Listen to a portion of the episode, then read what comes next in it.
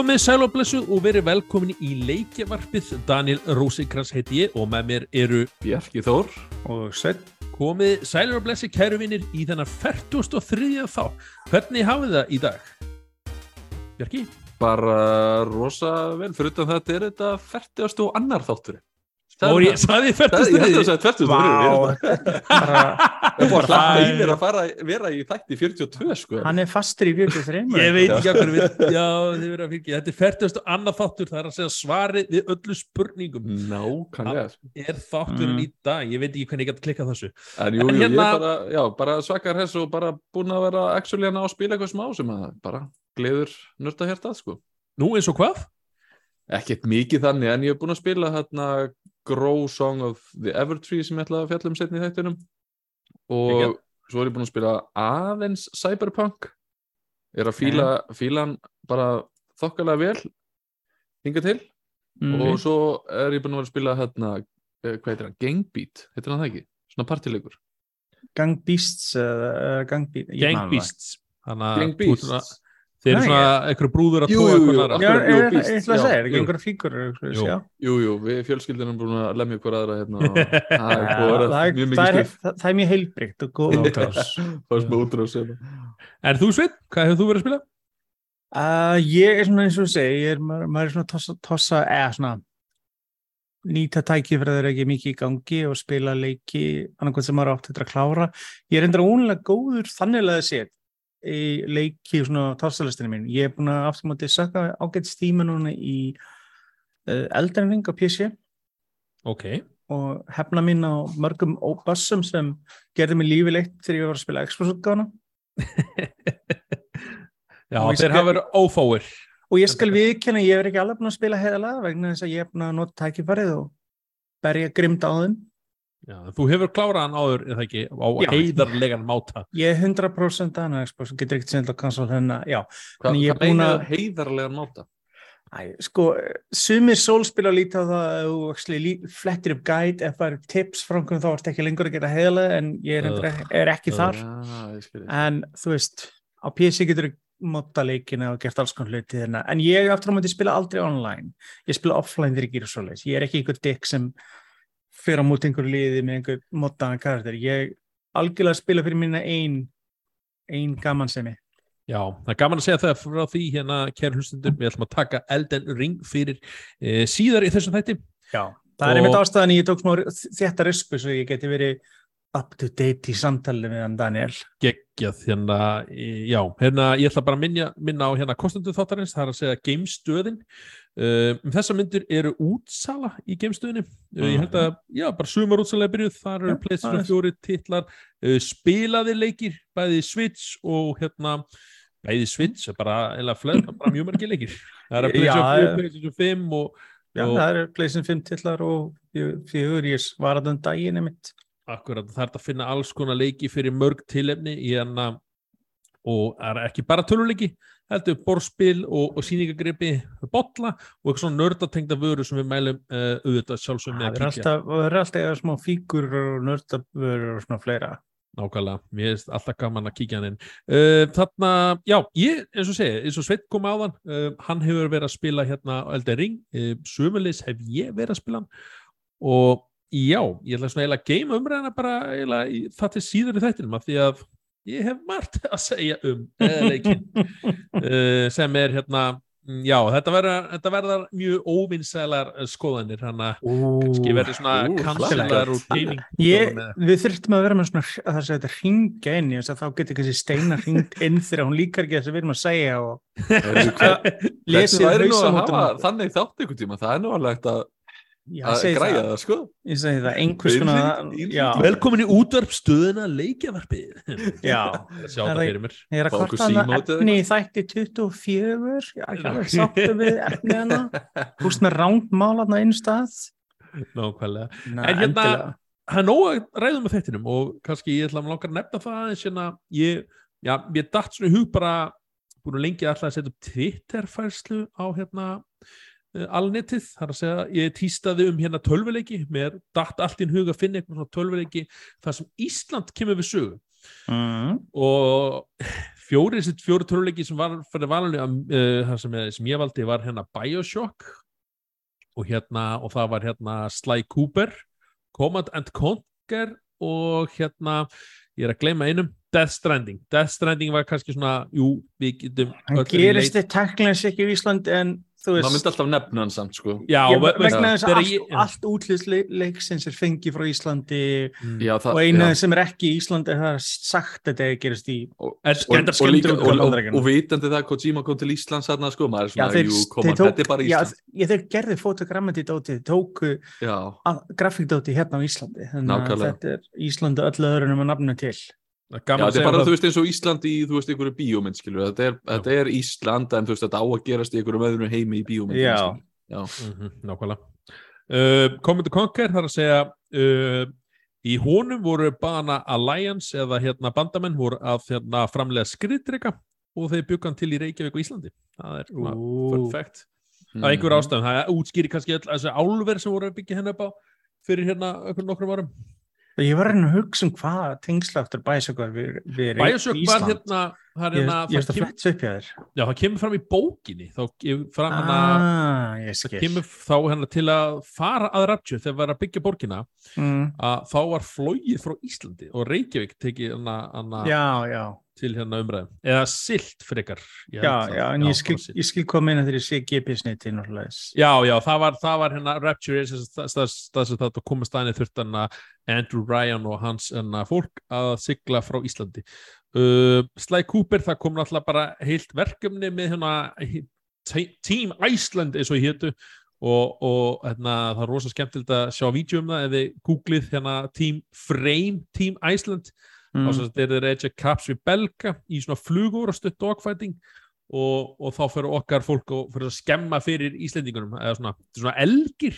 Og svo finnst ég að þetta eru svona dýrakarakter dýr, dýrapersonur og, Já. og við fáum að vera elgir sem er kannski meira kanadíst En mér varst cool í hérna, þræðinum, svo ég, hérna, Twitter þræðinum mig, myndi það aðri svöruðum mitt.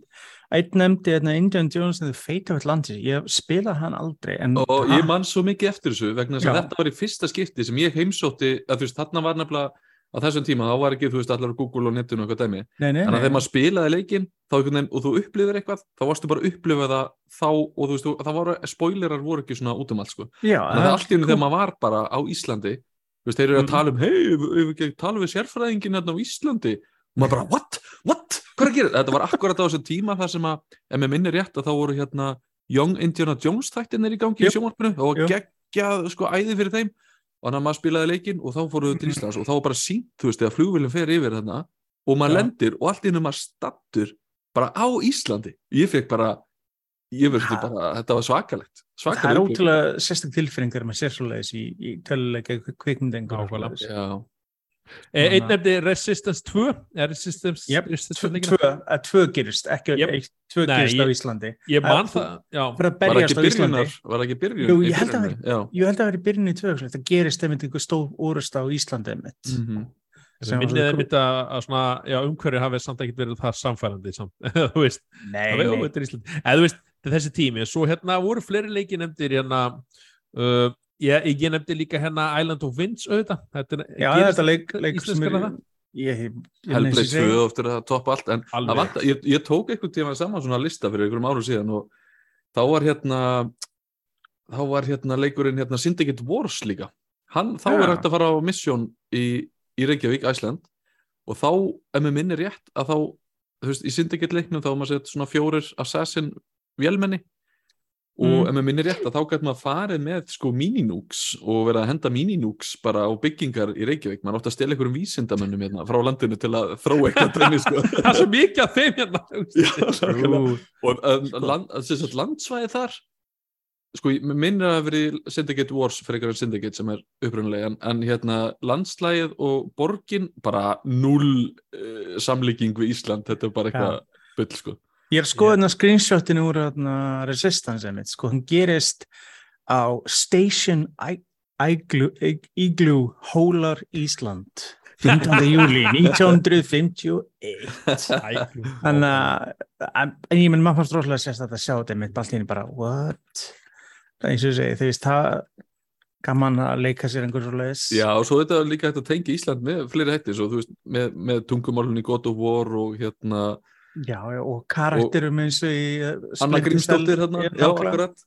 En já, nákvæmlega eins og segi það, veist, það er einmitt Litla Ísland, sko, það er bara stolt alltaf, mér, sérstakt að sjá landið sitt notað í sérstaklega þegar að nota rétt það er ekki sko Ísland þetta er eins og ég sá stóðslega sem heitir Greenland sem er ein, einstakt kvikmyndamind uh, afreg á kaldalega hátt en gaman hann fyrir stóðslega en lokaparturinn gerist á gerist á Grænlandi en er tekin upp á Íslandi.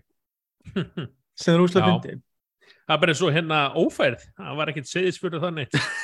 Nei, en, en það myndi gerast á Íslandi. Það er meira svona ímyndaður. En það er skondið að sjá Já. hvernig þessi er uh, blandað Svo Saman. hérna, ef ég hérna klára þessu umræðu hérna á For Honor frá Ubisoft, þá hérna voru Íslendingar fengið til að talsetja fyrir vikingana Já, og þá gæt maður heyrt hérna ég rýf ykkur í bita og eitthvað svona, Já. og svo reynda var ég sá ég svona emotes, þar sem hann þú gæst hann kift Mm. emotes mm. og, un- uh, eða safna inn og það var eitthvað gæi svona emote var stökkva svona afturbak hellistu og hann sagði svona Gunnar og hlýðar þetta eitthvað svona, ok það er bara, já, já, þetta var svona það er Þetta var svona tróða bara alls konar íslensk, íslensku. Mér fannst mjög skemmt held einmitt sko í Assassin's Valhalla þó hann gerist ekki í Íslandi, ég var mjög svektur og það var alltaf orðrumur um að DLC myndi gerast í Íslandi. En að lappa um í Nóri og heyra bara gömlu nors eða íslenskuna bara tala og actually vel tala. En það var eins og ég sagði örugglega sín tíma við tölum um hann, þrjár útgáfur. Íslendingar það íslensku uh, útlendingar að tala íslensku og séðan bara eitthvað sem var, ég veit ekki hvað. Það er nákvæmlega. það var samt mjög sérstakt að sjá annað landi sitt eða tungumóli bara talað. Og ég, eins og Mhm. segja, ég er mjög spenntur að sjá hvernig það verður með uh, 2 eins og það er eitt tíma inn á Íslanda sín tíma 2020 að skanna fullt af landslægi einmitt þess að no- nota í leiknum. Af því þeir seg, sögðu þeim með minni rétt veist, að það er ekki, veist, já, þetta er ekki svæði sem bara byggja á landslæginu heldur þetta bara á að gerast á Íslandi. Þannig að maður er mjög forvitin að vita hvort það verði actually bara, hei, wow, ég þekki þennan stað og hvort Já. þetta verði þá mögulega svona semifraktis og tökustaðir á, í kvikmyndu þar sem fólk vil heimsækja einhverja staði eða einhverja hella eða sta, Já þeir staðsetningar, vera sko. bæta eins og ég segi, það er sínt maður sá svona myndefni mitt af leiknum og það er svona veist, bara þeir eru sett byggingarnar inn í þetta en samt verðist þeirra vel gert þeir voru þetta þældist um uh, Suðlandi allt saman Mhm. 2020 mm. og voru að taka fullt efni og já, Já, eins og ég skil hérna Island of the Winds, þá er það ekki þannig sko. Þá er það í rauninni bara svona, þú veist, íslensk stemning og það gerist á Íslandi, en eins og ég skildi það, þá er ekki, þú veist, raunverulegi staðir sem það eru að apa eftir, heldur þau eru Nei, búið þetta er til. ekki svona folklór, svona, svona, hvað segir maður, svona þjóðsugur, einhvern veginn svona. Jú, jú, já, þá getur þau stílfært sögurnar að eins og akkurat. staði og atbyrði sem er eiginlega þægilegt að vera Sem er ekki bund- sem er ekki, ekki bundin einhverju öðru sem Ég var á fyrirlestri hérna, ekki fyrir svo lengu, í sambandi við svona VR í hérna söpnum og eitthvað. Og Mm. þá var hérna fyrirlestu frá þeim hérna Island of the Winds, það, var- það sem að var einmitt meðal annars, þú veist, uh, staðfesta að það er búið að fresta sér út, útgáfuna til 2023 Já. en þar sá ég bara eina svölustu uh, svona svarasta dýr sem ég sé lengi í tölvuleik þá var það sem sagt uh, ísbjörn mætir unicorn. Ó, Björn það er sem sagt ísbjörn með einhyrnings svona segja það var ógeðslega flott sko, ég fekk alveg smá gæsaðu sko. Vá. ég sá það ekki á heimasíðinu þeirra. Ekki því Nei. kannski kannski eru halda þessu svona, þú veist. Ja, ekki lengur nú er það komið út um allt Nei, en svo er bara spurning hvað hva helst í leiknum og hvað ekki. já, þú veist, já, nákvæmlega, hann er þetta ennþá í vinslu og þetta. Já, en það er gaman að sjá hann, við fengum að pröfa hann síndi á miðgari svona eldri útgáfanum og ég er mjög spenntur um þetta að sjá Mhm. þegar hann kemur loks út. það var ekkert að prófa hann hann einmitt þetta var bara fyrir einhverjum þrem vikum eða eitthvað, þá hérna hann bara lítur mjög vel út sko, en Já. sá ekki, sá ekki endilega mikið, mikið bæst við hann síðan að við vorum, en þú veist, ég náðu ekki að spila það mikið svo sem. Já, ég annan leikur sem ég hef mitt fjallægintján um, mann ekki alveg hvar, hann að Jötun, hann er mitt er á íslensku, bæði leikurinn og viðmóti sem ég var stókslega skondi. já, Þannig að þú kannski skipti yfir á íslensku alla leið og það er tölu bara pjóra íslensku en það voru fengið íslendingar til að talsveitan, þó þetta sé kandísku leikur og var, síðan, já. Já, já, að bara skandið sérstaklega allt í einu sjá viðmóti bara allt í einu allt, allt í leiknum var allt í á íslensku maður bara voru, voru mitt hérna miklar, eða ekki miklar það voru einhverja umræður einmitt um íslensku í töluleikjasamfélaginu í kjölfar þess að uh, frakkar ákveðu að bara þýða hluti eins og þú veist streamer og mm. e-sport og allt þetta vegna þess að það var byrjað að koma svo svakla mikið ennsku slettum inn í frönskuna og frakkarnir voru ekki að fíla þetta og þýtti þetta svakla mikið og þá var grein byrt hérna, ég man ekki akkur hvað hún heitir á, í fréttablaðinu minni með svona skoðunagrein þar sem að var verið að tala um þú veist, hei, þurfum við ekki að koma með íslenskuna meira í, í hérna töluleiki, en þú veist, eins og það er þú veist, það er ekki talað, þú veist, það er talað um rafíþróttur á Íslandi. Það segja Mm. margir streymerar þótt að strímara sé vissulega kannski algengara. En, en, en þú veist maður sér ekki alveg fyrir sér bara alveg svo með kvikmyndir, þú veist, maður myndi ekki fara einhvern veginn á nýjustu Batman myndin og verið búið að talsetja hann á íslensku veginn Nei, gat, nei. En það er vantraft um að mikið orðum yfir vissa tæknil hluti. Maður, kann, maður kannast auðvitað þegar maður er að skjöða gaggin til dæmis og nákvæmlega, maður er að tala um vissar tæknilegu svona hluta leiksins. Ég meina textures, áferð, þú veist, alls konar plattformer leikir þú veist, Já, og, og það er plattformer þú veist, eitthvað hopp og skopp leikir eða eitthvað Já, þess að segja, þetta er mikið einföldun og síðan Já. vantar svona orð yfir ótrúlega sérstaklega tæknilega, þú veist menn hvernig ætlar að segja ray tracing á íslensku? já, já, þetta verður svakalega þjátt og weird eitthvað, Það sem ég meina, þú veist, Íslingar hafa oft verið góður að búa til nýjir yfir hluti en þarna vantar og maður er oft í vandræðum þú veist, á ég bara að setja ennska orðið þú veist, þetta, þetta mm. og þetta er svona, jú, en það er alltaf gaman að sjá að hafa valkosti bara, bara, bara eins og bara, bara, bara texta eitt og sér já, þó það sé ekki nema bara, þú veist, stillingarnar, þú veist, segi notenda viðmót og eitthvað svoleiðis já. Já, það sem ég segi, bara nótni við eitthvað svona mér auðvelt að gera þannig að það séð Mhm. eða við margt og ég, ég mitt hjálpaði eh, til einmitt með einn tölvuleik að hjálpa að koma íslensku í inn í hann ok, vel gert, hvað leik, leikum við það? líkt eh, Nú, Nó, nei, er, er, er, er, ertu ekki stoltur eða? Já, ég veit ekki, ég, ég er engin íslensku fræðingur, ég fæ alltaf nú, nú að baukinu frá öllum að mína hæfileika svo en það var, ég þekkti framlegenda og hann var eitthvað vildi Góttu hafa- með þetta, góttu með þetta, ekki Nei. henda þessu út og ekki komið nafni. Ég- What? ég- ég Býtu. Daniel, veist þú, veist þú um þetta? Vistu þú að þessu eða? Nei, Uh, við þurfum að grafa þetta upp. Sko. Aha. við erum að fá, fáum þetta einhvern úr honum hérna Ég ég skal kannski leiðum þessu fram en ég, nafnum mitt er kvæðlistan Ok, næs. á töluleik já, ekki einhverju þakka. Ég hef reynda fengið nafnum mitt á því töluleik en það er meira bara svona, þú veist, út ég er sponsorinn á Kickstarter eitthvað ok, alright En hérna, nóam að ræða um, um fleiri efnið og það er að segja að við tókum þess að fram í síðasta þætti um, að við vorum eiginlega svona að býða eftir um, útgáðdegi fyrir God of War eða það var svona handa Mm. við hornið og við fengum trailer alveg 30 sekundna trailer eða stikku já, eða svona CGI trailer Já, já, þannig og, og þá fengum við útgáðdægin, það er svona 9. Nó, 9. november á þessu ári, þá kemur út enn að God of War Ragnarök mm. og ég spenntur hérna, við fengum nú ekki sjá mikið, þetta var bara svona þetta kallast Father and Son hérna, hérna stiklan hérna eitthvað Father and Son og þá sjáum við hérna sjáum við hérna alltaf Kratos uh, berjast í einhverjum, einhverjum fjallslíð og dettur niður og, og hittir þar uh, aðrar personur eða, eða dýr eða skeppnu Mm. var það ekki Fenrisúlfurinn mættur þannig jú, hann virkaði þarna, já, hann virkaði eins og verið svolítið hennar Já, þannig að þetta verður spennandi. Hérna, hvað, er, er, er til ykkur fyrir þessu leik? Uh, já, Er- er er er er- er, er, er, er vatn blöytt? Það er mitt, mitt, mitt, mín spurning á móti Seinasti, seinasti leikur var auðvitað bara þannig að þú veist, það er erfitt að bera marga aðra leiki sama við hann, hann var bara svo svakalega ótrúlega góður sko. að hérna, ég er bara mjög spenntur sko. Ég var einmitt á þeim annað tímabúti þegar veist, það var búin að kynna hérna God of War að veist, maður var búin að spila Last of Us, maður var búin að spila hérna það er að tala um Last of Us 1 og ég var, var búin að spila hérna hvað heitir Uncharted 4 og svona leiki, maður svona fer að bera saman við það Mm. og, og þar, þar, þar, þú ert alltaf með AI, pers, AI personu þú veist, í, í svona í ferðanlæginu og ég var svona æ, er þetta, aftur svona father and son eða father and daughter, fattar þannig að feðga eða feðgin leikur. Ég var svona alveg, ah, veitu, hvernig, hver, hvað ætlaði að gera nýtt uh, þú veist, í því? Það er þá mörg ólist mál Já, svo sannarlega. Nægur efni við, Að teknilega það- séð. það er einhvern veginn bara svona blúm, svona bara, já, blúma mænt hérna bara, ég var að bara, bara já, hvað að segja, hvernig fóru svona að framleina lengja, framfleita sögunni bara kringu það. Þetta er alveg svona þetta moment og, og fá svona að gullmóla, þú veist, fyrir eldri spilara, þú veist, þetta var svona þetta er nýr leikur, nýr kapli fyrir Kratos en samt allt sem er búið að gerast áður er ennþá, þú veist, til staðar og átti sér stað.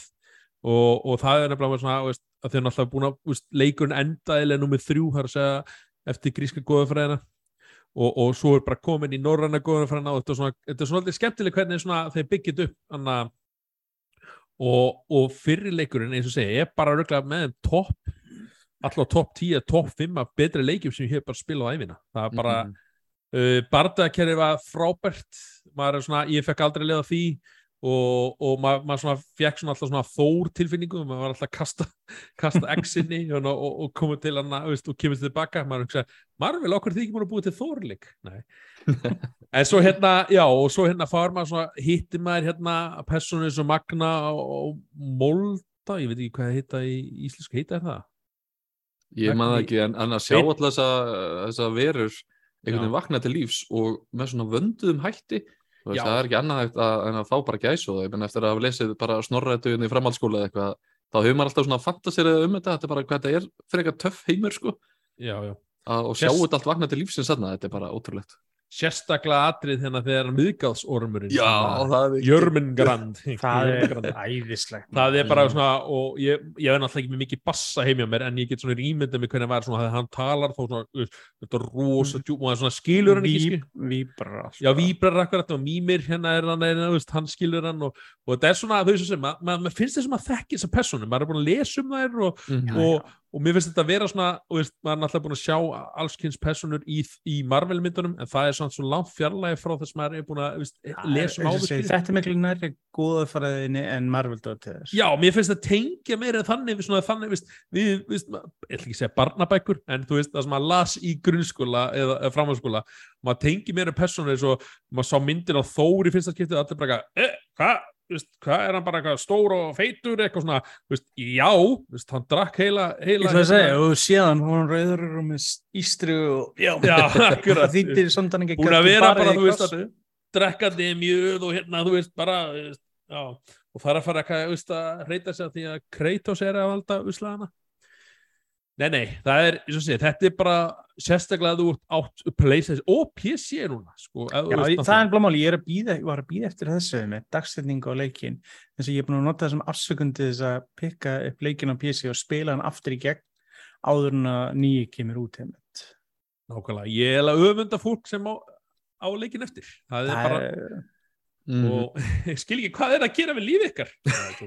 Það er svo- er mér til að einhvern veginn þú veist, ofan á það að vera einhvern veginn fullkomu leikur og þá ofan á það er þú veist íslenski kórin og gamla Já. íslenskan og maður bara svona getið einhvern veginn gert þetta fullkomnara? Þetta er aðeins svo mikið hérna sko. síðan þegar Eivör byrja að syngja þú hún sé færi alveg saman, já, já, það er bara- bara gæ- gæsa þú bara, sko, þú veist. ef við giftast tölvuleik þá myndum maður alveg, þá væri gott að bor sko, ok. Uh, þetta var skrítið, nei, nei, ég hérna, eins og segi, 9. óber og þetta er eitthvað, já stærsti leikur frá Sony svona eftir, sem eftir af árunni, þeir eru alltaf komið með eina bombu í lókin Þetta er svo leikur sem ég held að muni berjast í eldring um leikur ásins. klárlega, og það verður spennandi að sjá hvernig þetta fer, þegar hann að auðvitað er náttúrulega mikil, mikil eftirvending á hérna God of War, alveg sem var með Elden Ring en Elden Ring einhvern veginn tókst að uppfalla alla sem vendingar eða fyrir þá sólspilara og já, náttúrulega auðvitað, auðvitað veist, er þetta stort, hvað segir maður stökk fyrir að, veist, hvernig það verður framaldið, því maður hugsa alltaf sko að nummer tvö leikurinn verður toppurinn svo þrjú verður svona, að þetta var, þetta gegn, veist, mér er að hugsa til Uncharted. Já, alltaf En- framhaldsmyndir en, sko, en það er ótrú ofta leiku tvö í seríunni þó teknilega séu þetta leiku fimm eða sex eða whatever, en Já. það leiku tvö í seríu er oft mjög góður, Uncharted 2 er til dæmis besti Uncharted leikurinn mínum átti Já, og þú veist það er margir leikir sem nummer tvö sem eru alveg góðið þeir eru þá er Mass Effect 2 besti Mass Effect leikurinn Last of Us 2 Já, hann, það er besti leikurinn. á tæknilegum sjónarhóli algjörlega. Já, já, við förum ekki í það aftur. Nei, nei, en eins og sé, þetta, og þetta er sem sagt, jáframt að vera gaman að sjá hver, hver, hvort, hvernig þeir alltaf fara framflýta þess að séru eftir þetta. að Hey, ég menn það eru nokkra góða fræði sem ennþá þetta að drepa svo það Já, já, spurning hvort að veist, þeir gera þetta svona, þú veist, hvernig þeir farið því, sko. Ég meina maður held að hvernig maður einmitt þessi leikur kom út á sín tíma og bara hvernig ætlar að gera það? Annað svæði Mm úr grísku en þeir náðu þessu einhvern veginn svo ég, ég hef mikla trú á þessum leik. Akkurat, það er til, það er til hérna myndasúr sem ég hef ekki lesið sem er um Kret Karadas og ég held að hana snýstu það þegar hann, veist, yfirgefur gríska heiminn og svona ferð, á svo ferðalagi sem hann, þú veist, kynnist hana, þessu sveiði. mm. Rauninni er hann bara að forðast hana, æsku, ekki æsku sína en, en, en fyrir um svona, hvað segir maður, að Eh, uh, fórstíðina og Bortíðina, takk fyrir sveit. fórstíðina Já, bara svona er að fórast hana en, en, greinilega er, er, er hann er hvergi óhulltur. En allavega, já, við hvetjum með þetta fólk fyrir að fylgjast með uh, 9. nóvember. Hann á PlayStation 4 og PlayStation 5. Uh, fleiri leikir í nóvember. Það er að segja Eh, eitt, 8. eitt, eitt til okkur uh, þessi leikur er með sama uppfæslu path og Horizon þannig að mun kosta þig að uppfara úr PlayStation 4 í PlayStation 5 10 Já. dólar En Já, þú getur Sony- vantilega Sony- keitt PlayStation 5 leikin bara Já, já, ég, Er hann en ég- dýrari þá? Örugglega. En já, en það verður. Já, ná, þeir, þeir Hann er að alltaf kaupa PlayStation 4 útguna þá þarf það að borga fyrir PlayStation 5 uppfæsluna. Já, þannig að þeir verður með þetta 10 dólar dæmi Já.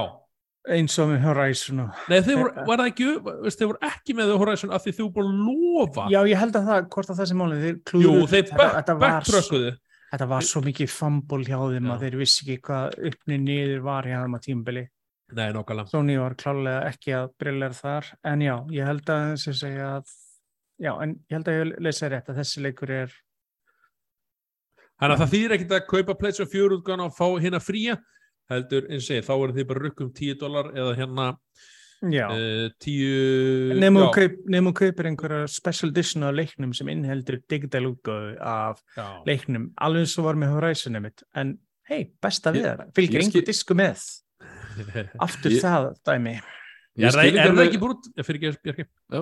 Nei, kláraðu Nei, er það ekki brút af því náttúrulega þeir eru með að diska markaðinn og er það að tala um að vera þá með tvo leiki í einu samni eða? Nei, ég er að meina að alveg eins og var með, sko, með special edition leiknum að þú veist að kaupa einhverja dýrar útgáð leiknum Mm. og fara einhverja glæninga með og allt svo leiðis en þú, þú fari, jú, fari leikin en þú fari bara í digital formi þú veist ekki fá neitt á disk. Alveg svo með Master Horizon þegar var dýr útgáð en það var engin leikur. Já, ég fekk þann, ég er með, á þá útgáð, Já, það sem ál, meina. álútgáðuna og stál og svo opna maður, maður engin diskur. Já, en er það ekki búin að, þú ef þú kiftir náttúrulega diska lausu útgáfu, af stafran útgáfu á PlayStation 5, þá þá viltu náttúrulega Ég menn þetta gefur þetta út, já, þetta gefur þetta út möguleika að kaupa það, en á móti, já, þetta er svona þessi, þetta er, þetta er ákveðin umræðin sem nefnir þessi staði mitt með að þú kaupir dýra útgáð einhverju leik og það fylgir ekki leikurinn með á disk. Nei, nei, einmitt.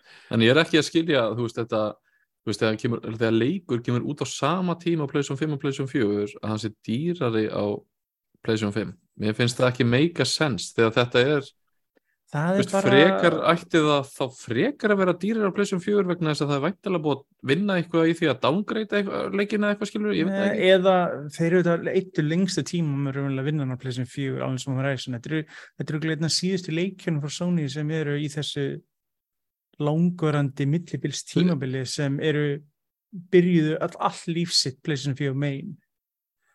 Þarna, var- Skil, ég þetta- skil alveg að það kemur svona uppfærsla en ef, þetta er, ef leikurinn kemur út á sama tíma á báða já. leiktöluna þá má svona klóra sér á hausnum svolítið þetta er bara sem Sony ákvöðu, þetta er bara, er þið, núna getum við chart, eða svona rukka meira.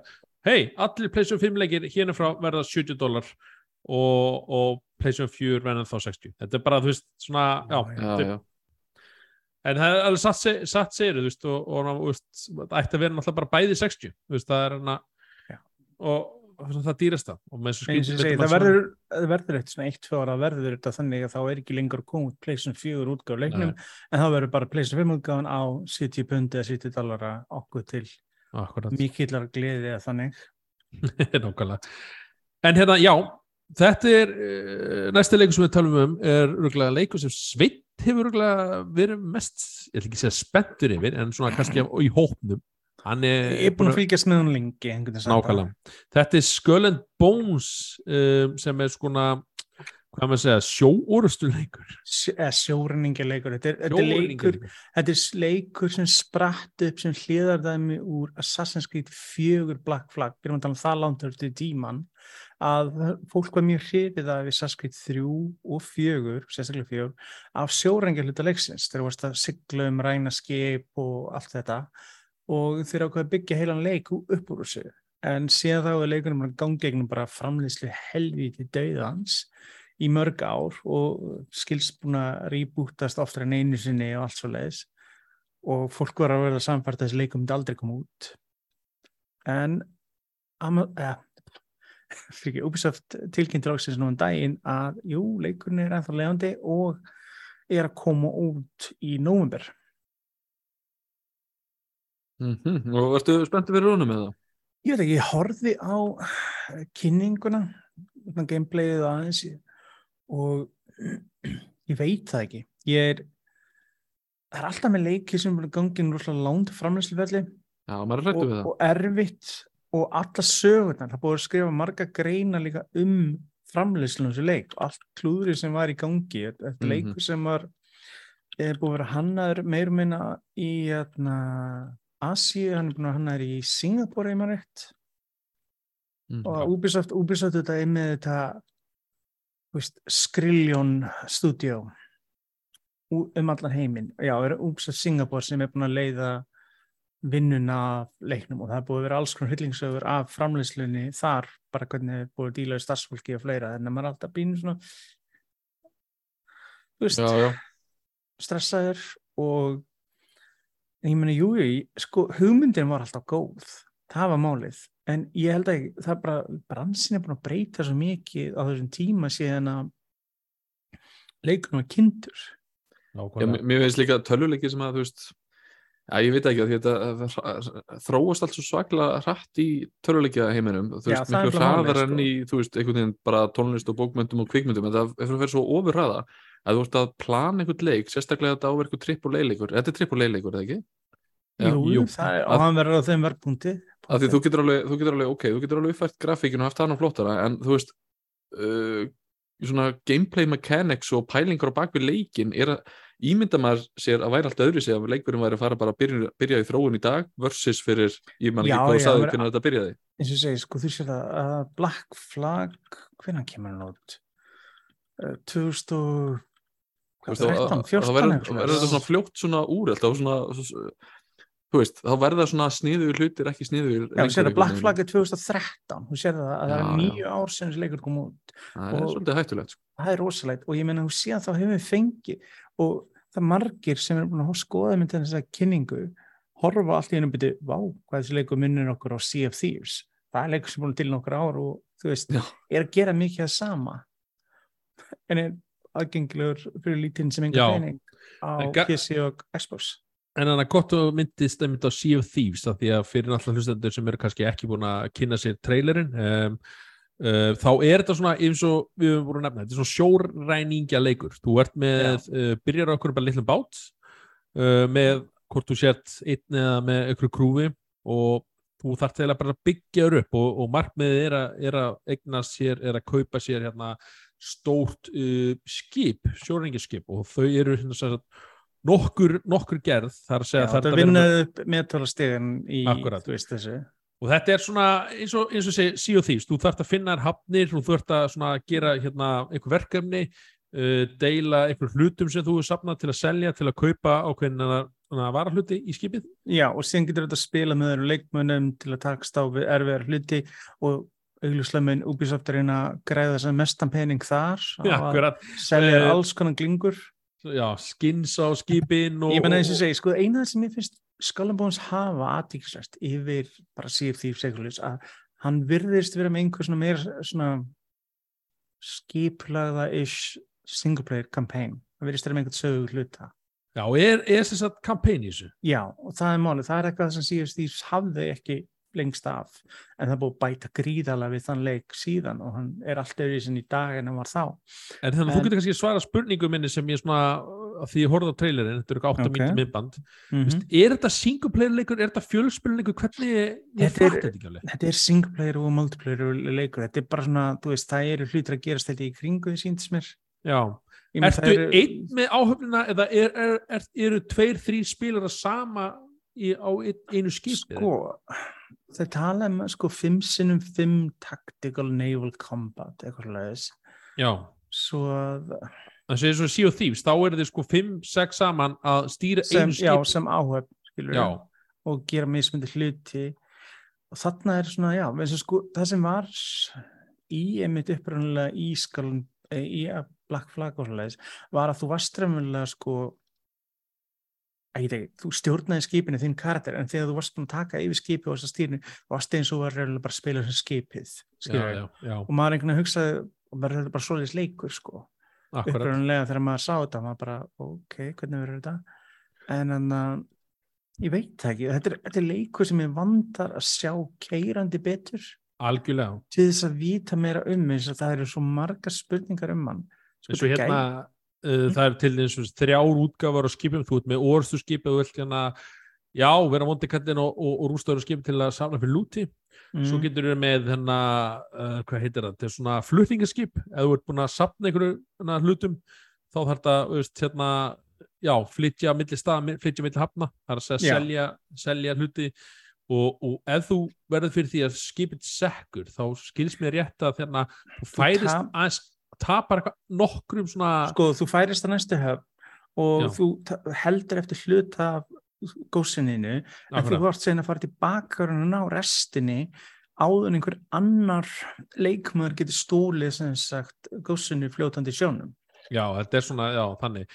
Uh, ég er, eins og segi, ég er mjög forvitin yfir hvernig leikurinn er eftir að koma. Ég, ég get ekki sagt þessi spenntur, Nei, en en þetta er einslega hann byggir grunn sko rætur sína er mitt upp á Assassin's Creed og svoleiðis fleira. En ha- ég held að fjölspilnarparti verður mjög stór hlutaleiknum og örgulega peningadæmið og allt kringu það verður svolítið mikið. Það er það sem ég hrættastur raunlega við með en leik, það er það Já. að það verður of mikið af því.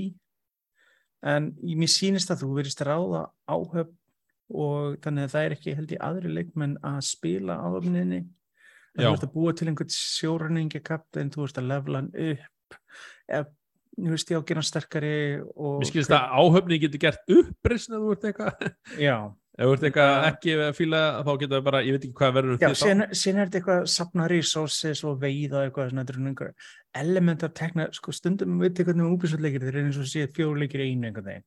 Maður sér element úr Saskrit, maður sér element úr öðrum leikjum þannig að maður bara maður er alltaf pínu hvernig myndi þetta takast, eða hvernig myndi ganga upp sem leikur? Og þetta er bara eini eða, eða tveir einn af tveimur leikir sem Ubisoft er að fara að gefa út á svo eða ekki? Já, Ubisoft er mjög skrítið útgáfileg sé, vanlega er það búin að mjög duglega að gefa út leiki. Já, og núna er það búin að vera einhver spes dæmi. Nákvæmlega. Við, en það verður kynning núna í næsta mánu í ágúst sem er eitthvað amalist kynning í samvætið að Sarskrít og þá er líklega talið líklega þeir munu kynna næsta Sarskrít leik og mögulega annan Sarskrít leik sem er talið að verði svona meira multiplayer dæmi. Akkurat að taka mitt fyrir bara umræði en að næsta þetta eitthvað hérna með hérna, veist, hvað er í gangi með EA og Ubisoft þessi þrjú fyrirtæki Já, það er búin mér sérst að fylgjast með þessum tveim stóru risum og hvernig þeir eru búin að vera hendla málinn síðustu 2-3 árin. Nákvæmlega. Uh, þú Bjarki, eitthvað spenntur fyrir sjóræningja, sjóorustuleik? Já, eða þú veist, bara svona fylgjast með. Ég er svona, mér finnst þetta ekki kannski spennandi fyrir mig persónlega, mér finnst gaman, eða ég er ekki spenntur fyrir að spila hann sjálfur, sko, en ég er alveg svona, er áhuga samur um að sjá hvernig þetta þróast og hvernig hann á eftir að líti út og svona. Já, Já, eins og þessi, ég fór til að sjá sérstaklega hvernig singleplayer dæmið. Þeir tala um að þau getur spilað hann í gegn einn en líka með öðrum og þá er þetta svona spursmáli með hvernig það kemur út. nákvæmlega. Og hérna að fleiri útgæðum þá hérna átti annar leikur með, með skilstan átti uppröðan að koma mæ, færður í oktober og nú er búið að færa fram á næsta ár Til hans janúar. 24. janúar og við erum að tala um leikinn Forspoken frá Square Enix. Jep. Hér. Já, þetta er, ég ég svona er að, búin að horfa á nokkar trailera ég kannski get ekki alveg líst í hvernig leikur þetta er nákvæmlega Sko, hann lukkar forvitnilega. já, ég veit- ég, því veit, ég veit ekki nú ekki um þetta er svona leikur sem gæti verið rosalega góður, gæti verið, þetta er nýtt IP sem er alltaf veist, veit ekki alveg, en þetta er mjög forvitnilegt. Var Það svo leikur ekki kynnt, kynntur fljótlega bara þegar að PlayStation 5 var að koma út og um það leiti einhvern veginn? við erum bara Já. sömu kynningu Já, einmitt. minnir man mjög mikið á, ég veit, eitt hann er í Vidya Tech demónum sem var sínt. Já, ég manna að ég sá úr húnna og var ég alveg spenntur og það er einhvern veginn bara svona og að detta niður hægt og rólega einhvern veginn. já, ég, Já. ég, já.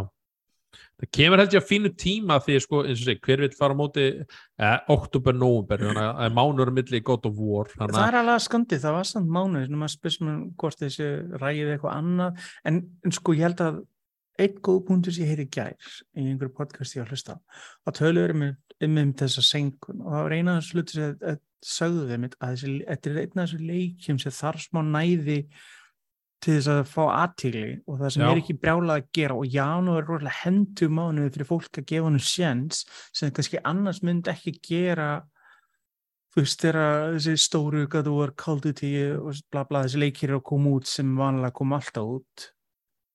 Ég er alveg mjög samla því. Og að fara hann meiri tækja til nóðsinn og sérstaklega eins og það verðist vera eins og þau tala um að leikurinn sé feature complete, þannig að hann sé búinn aðal hönnun leiksins og núna er fimmbusun og mér finnst það ekkert leðilt heldur ef við fáum þá slípaðri leika eitthvað, þeir nota næstu mánuði til þess að betrum bæta leikinn á meðan. Það getur já, líka bara komið í janúar og maður er búið með War og maður er bara, já, hvað, hvað maður spila næst? Og meina já, og Forspoken er á næsta leiti þess, þetta er svona, ekki eins og þetta lengi að spila Call of Duty eða nefnum sér típan sem sekkuður í Warzone eða eitthvað svoleiðis, þá nei, já nákvæmlega.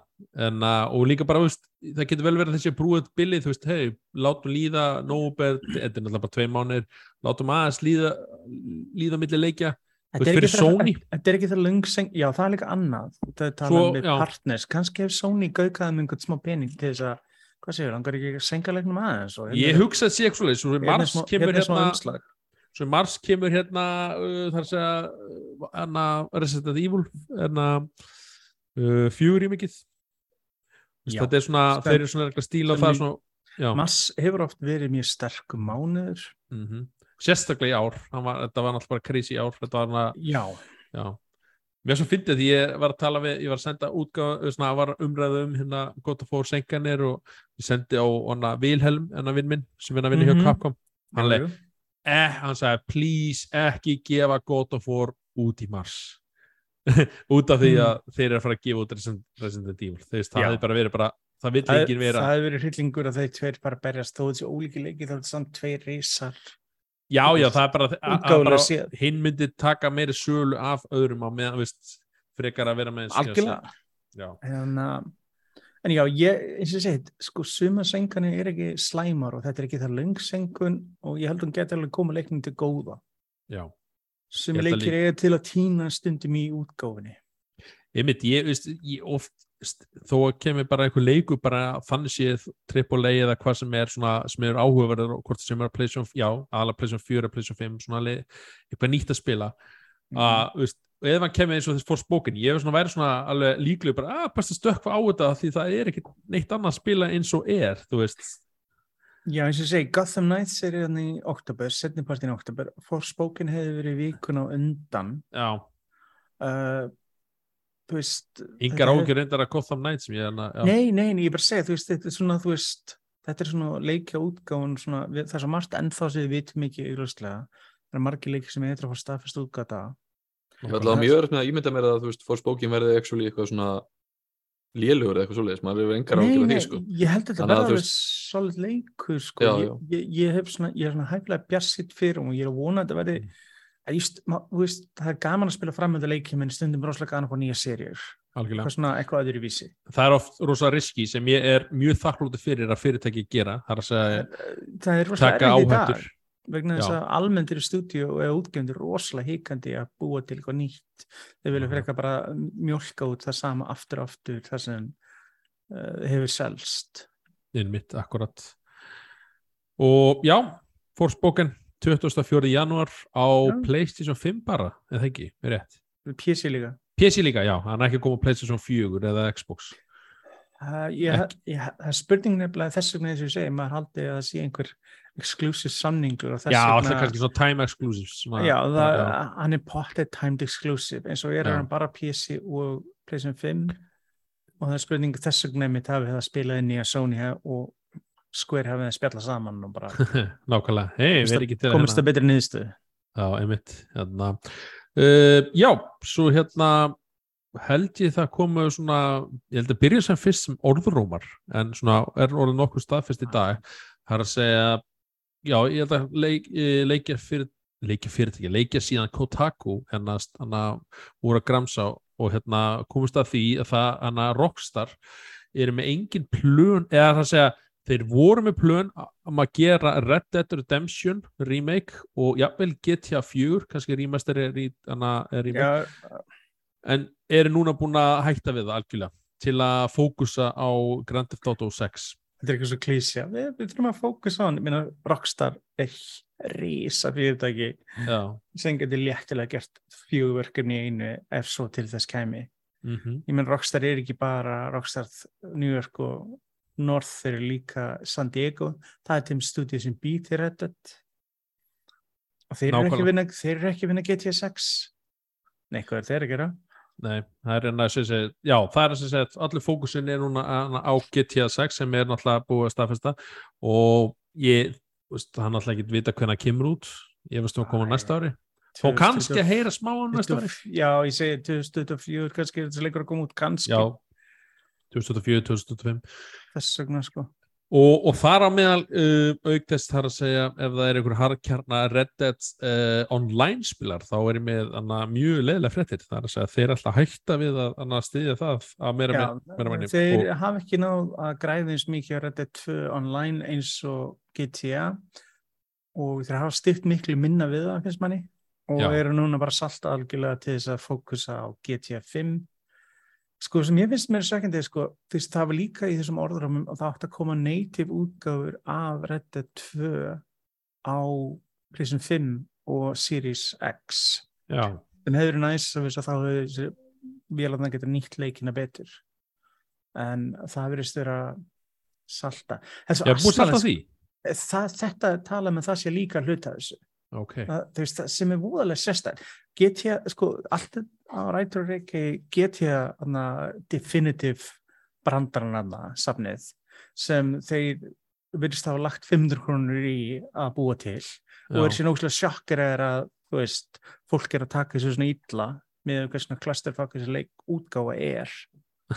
Sem er grátlegt, þetta er þrýr frábæri leikir og það hefur verið að gera útláð skemmtildi við þetta en þeir gerðu lámarkið og valla það og vildu fá sem mest fyrir þetta og verið síðan er að þú veist, einhver farsímaport af leikjunum er ekki að veikja mikla lukku sem eru brotin á 16 mismundi vegu já, ok, sæl En ég menna, þú veist, það er málið, þú veist, remaster af Reddit 1, úf, almennu remaster, ég menna, come on, það er hægt að gera. Teknilega séð er end, efniðin úr, úr Reddit 1 til í Reddit 2 heiminum. Ef þú spila kostið Reddit 2 þá sérðu bara litri sögursvið af 1 og ef þú spilaði 2 í gegn þá veistu hvað ég er líka meina með allt það. Þannig að segir mér þess ekki hægt að búa til út frá þeim grunni remaster af 1 það er já, hægt, en þá ertu líka ekki tím og peningu. Það er til mörg góð stúdíu sem verður til í þetta. Já, bara vest að er enginn að segja rocksta sjálfur til að gera það. Mhm. Vest að þið þurft að grafa heldur djúpt til að fara í Red Dead Redemption 1 því að það algjör kraftaverk að hann var á tölvuleik sem eins og hann er Já, en mér myndi vilja nefnilega fá þann leik á PC svolítið mikið. Það er grátt að já. sá leikur er ekki aðgengilegur á PC, hann er bara til á 360 og PlayStation 3. það er alls Það- konar sögur um það veist, hvernig kóðin í honum hann var svo illa skrifaður en samt náður er að púsla saman einhvern þannig Það er, og, og, oft, það, er og þannig leik- það er oft þannig með leikjahennun að leikir oft bara púsla saman rétt undir lóki og eru oft Já. algjör bara klúður fram og tilbaka. En aftur á mæti eins og Definitive Edition GTA var bara ekkert check, ekkert quality testing flegðu þessu út reynda að kresta sem mestan pening og eru síðan sjokkara og síðan núna er þeirra pínum svo eitthvað óþægt badd sem eru bara í fíla og það er ekki að sem að vill. Og þá segir hann bara, nei, þið fáðu ekki að leika með hitt og þetta mitt heldur út af þessu. Þetta er Nei, það sem ég finnst 2K og Rockstar að gera núna. Þetta er bara nei ég meina, koma, almennlega rýmastur aftur mútið GTA 4 var alveg líka mjög skemmtileg vegna þess að sáleikur er mjög gammal og mjög óþægildi spildag það er skemmtilega på það en enn en að fjandars útgáðan GTA 5 ég meina, skjóti mig, ef við kemur GTA 5 og PlayStation 6 þá bara Það verður the masterpiece. Þá fáum við, þá fáum við remake af GTA God, ég meina, please hætti að blóð það verður remake remastered. Nei, nei, Þetta er einn mesta Já. og versta blóðmjölkun af leik. Ég, sk- sko, ég aftur á móti var mjög spenntur, hefur alltaf mjög spenntur fyrir GT-leikan, en minn áhug fyrir GT 6 er miklu minni en almennt er vegna þess að ég er mjög hikkandi við það að 2K og Rockstar muni hamra stíft á GT Online 2, whatever, og það verði stóri fókusin þeirra og flest allt annað verði jú, það verður örugglega fín saga í þessu og gameplay allir, en þetta verður allt saman fókus að mest á hitt hvernig geta mókað inn peningunum í næsta uh, GT Online. Ég hef, ég hef engar ágjör á singleplayernum í næsta GTA sko en, en hérna, ég meina klárlega 100% það var bara heimskulegt að fara ekki að leggja bönsa tíma og pening í online hlutan með því hvernig hvað, Já, ég er bara, hrætt, það er ég er bara hrættur um að hann verði aðalfókusin Ég sko, með það sem ég hef heyrt þá var hérna hana, veist, og, og hann heyrði í podcast annað þá var eitt svona sem enginn hefur svona tekið eftir eða svona, veist, þetta er ekki áræðanlega heimildir en hann vil, hann vil meina að hann þekkir Gæja Ross, Ross, Rockstar og hann er búin að gefa þetta út hérna Michael Pachter. Mm. og hann, hann vildi meina það og hann vil fullir það veist, og svo spurning hvort það sé nokkuð sattið ekki að GTA Online verði verði hérna það svæði sem GTA 5 var. Það verður hérna, Liberty City það verður eitthvað þrjá, þrjú rísa svæði Það er búið Og- orður á með þetta áður samt. Og London það er að segja að þú ert að fljú á milli og eitthvað svona það var í geggja sko. Ah, ég ég ætla ekki að segja að London er svona leggur sig en einhver stær í Englandi eitthvað svona þannig að þannig að það, ef þetta er það sem við erum að sjá og þeir sem er að droppa öllu hérna þessu rýming og, og, og, og svo, eða hvað þú sagði rýmast þess og þú nefndir þessu, hvað er hérna hinn fyrirtækin að gera? Ég hugsa bara, þeir séu bara ok, núna þurfum við að klára online hlutan við þurfum að allir að fókusa á veist, og stóra sem eins og segja, meikar mest sens sem er leiðilegt að segja af því þar er hann að penningun að koma inn sko. Og, og ég er einmitt hrættur um mitt þannig sem hann að segja, sagði hérna að það gæti orðið til þess að, hana, að það verða ákveðina fórnir í hérna single player hlutunum það verður ekki eins á þeirri stærði gráðu við fengum við nummer 5 eða 4 Já, meðan við, veistu, við erum að tala um, veistu hvað er þetta mörg Rockstar Studios í dag? uh, ég myndi gíska á 4 til 5 Níu. Þeir eru 9 Níu. Yes. er það satt satt Já, Eða þú veist, það er- á blaði en það spurning hvað er mikið ef þeim starfandi og, og já uh, þau öll starfandi, er, þau voru tvöði viðbútt ef ég tekki út sem er ekki lengur starfandi.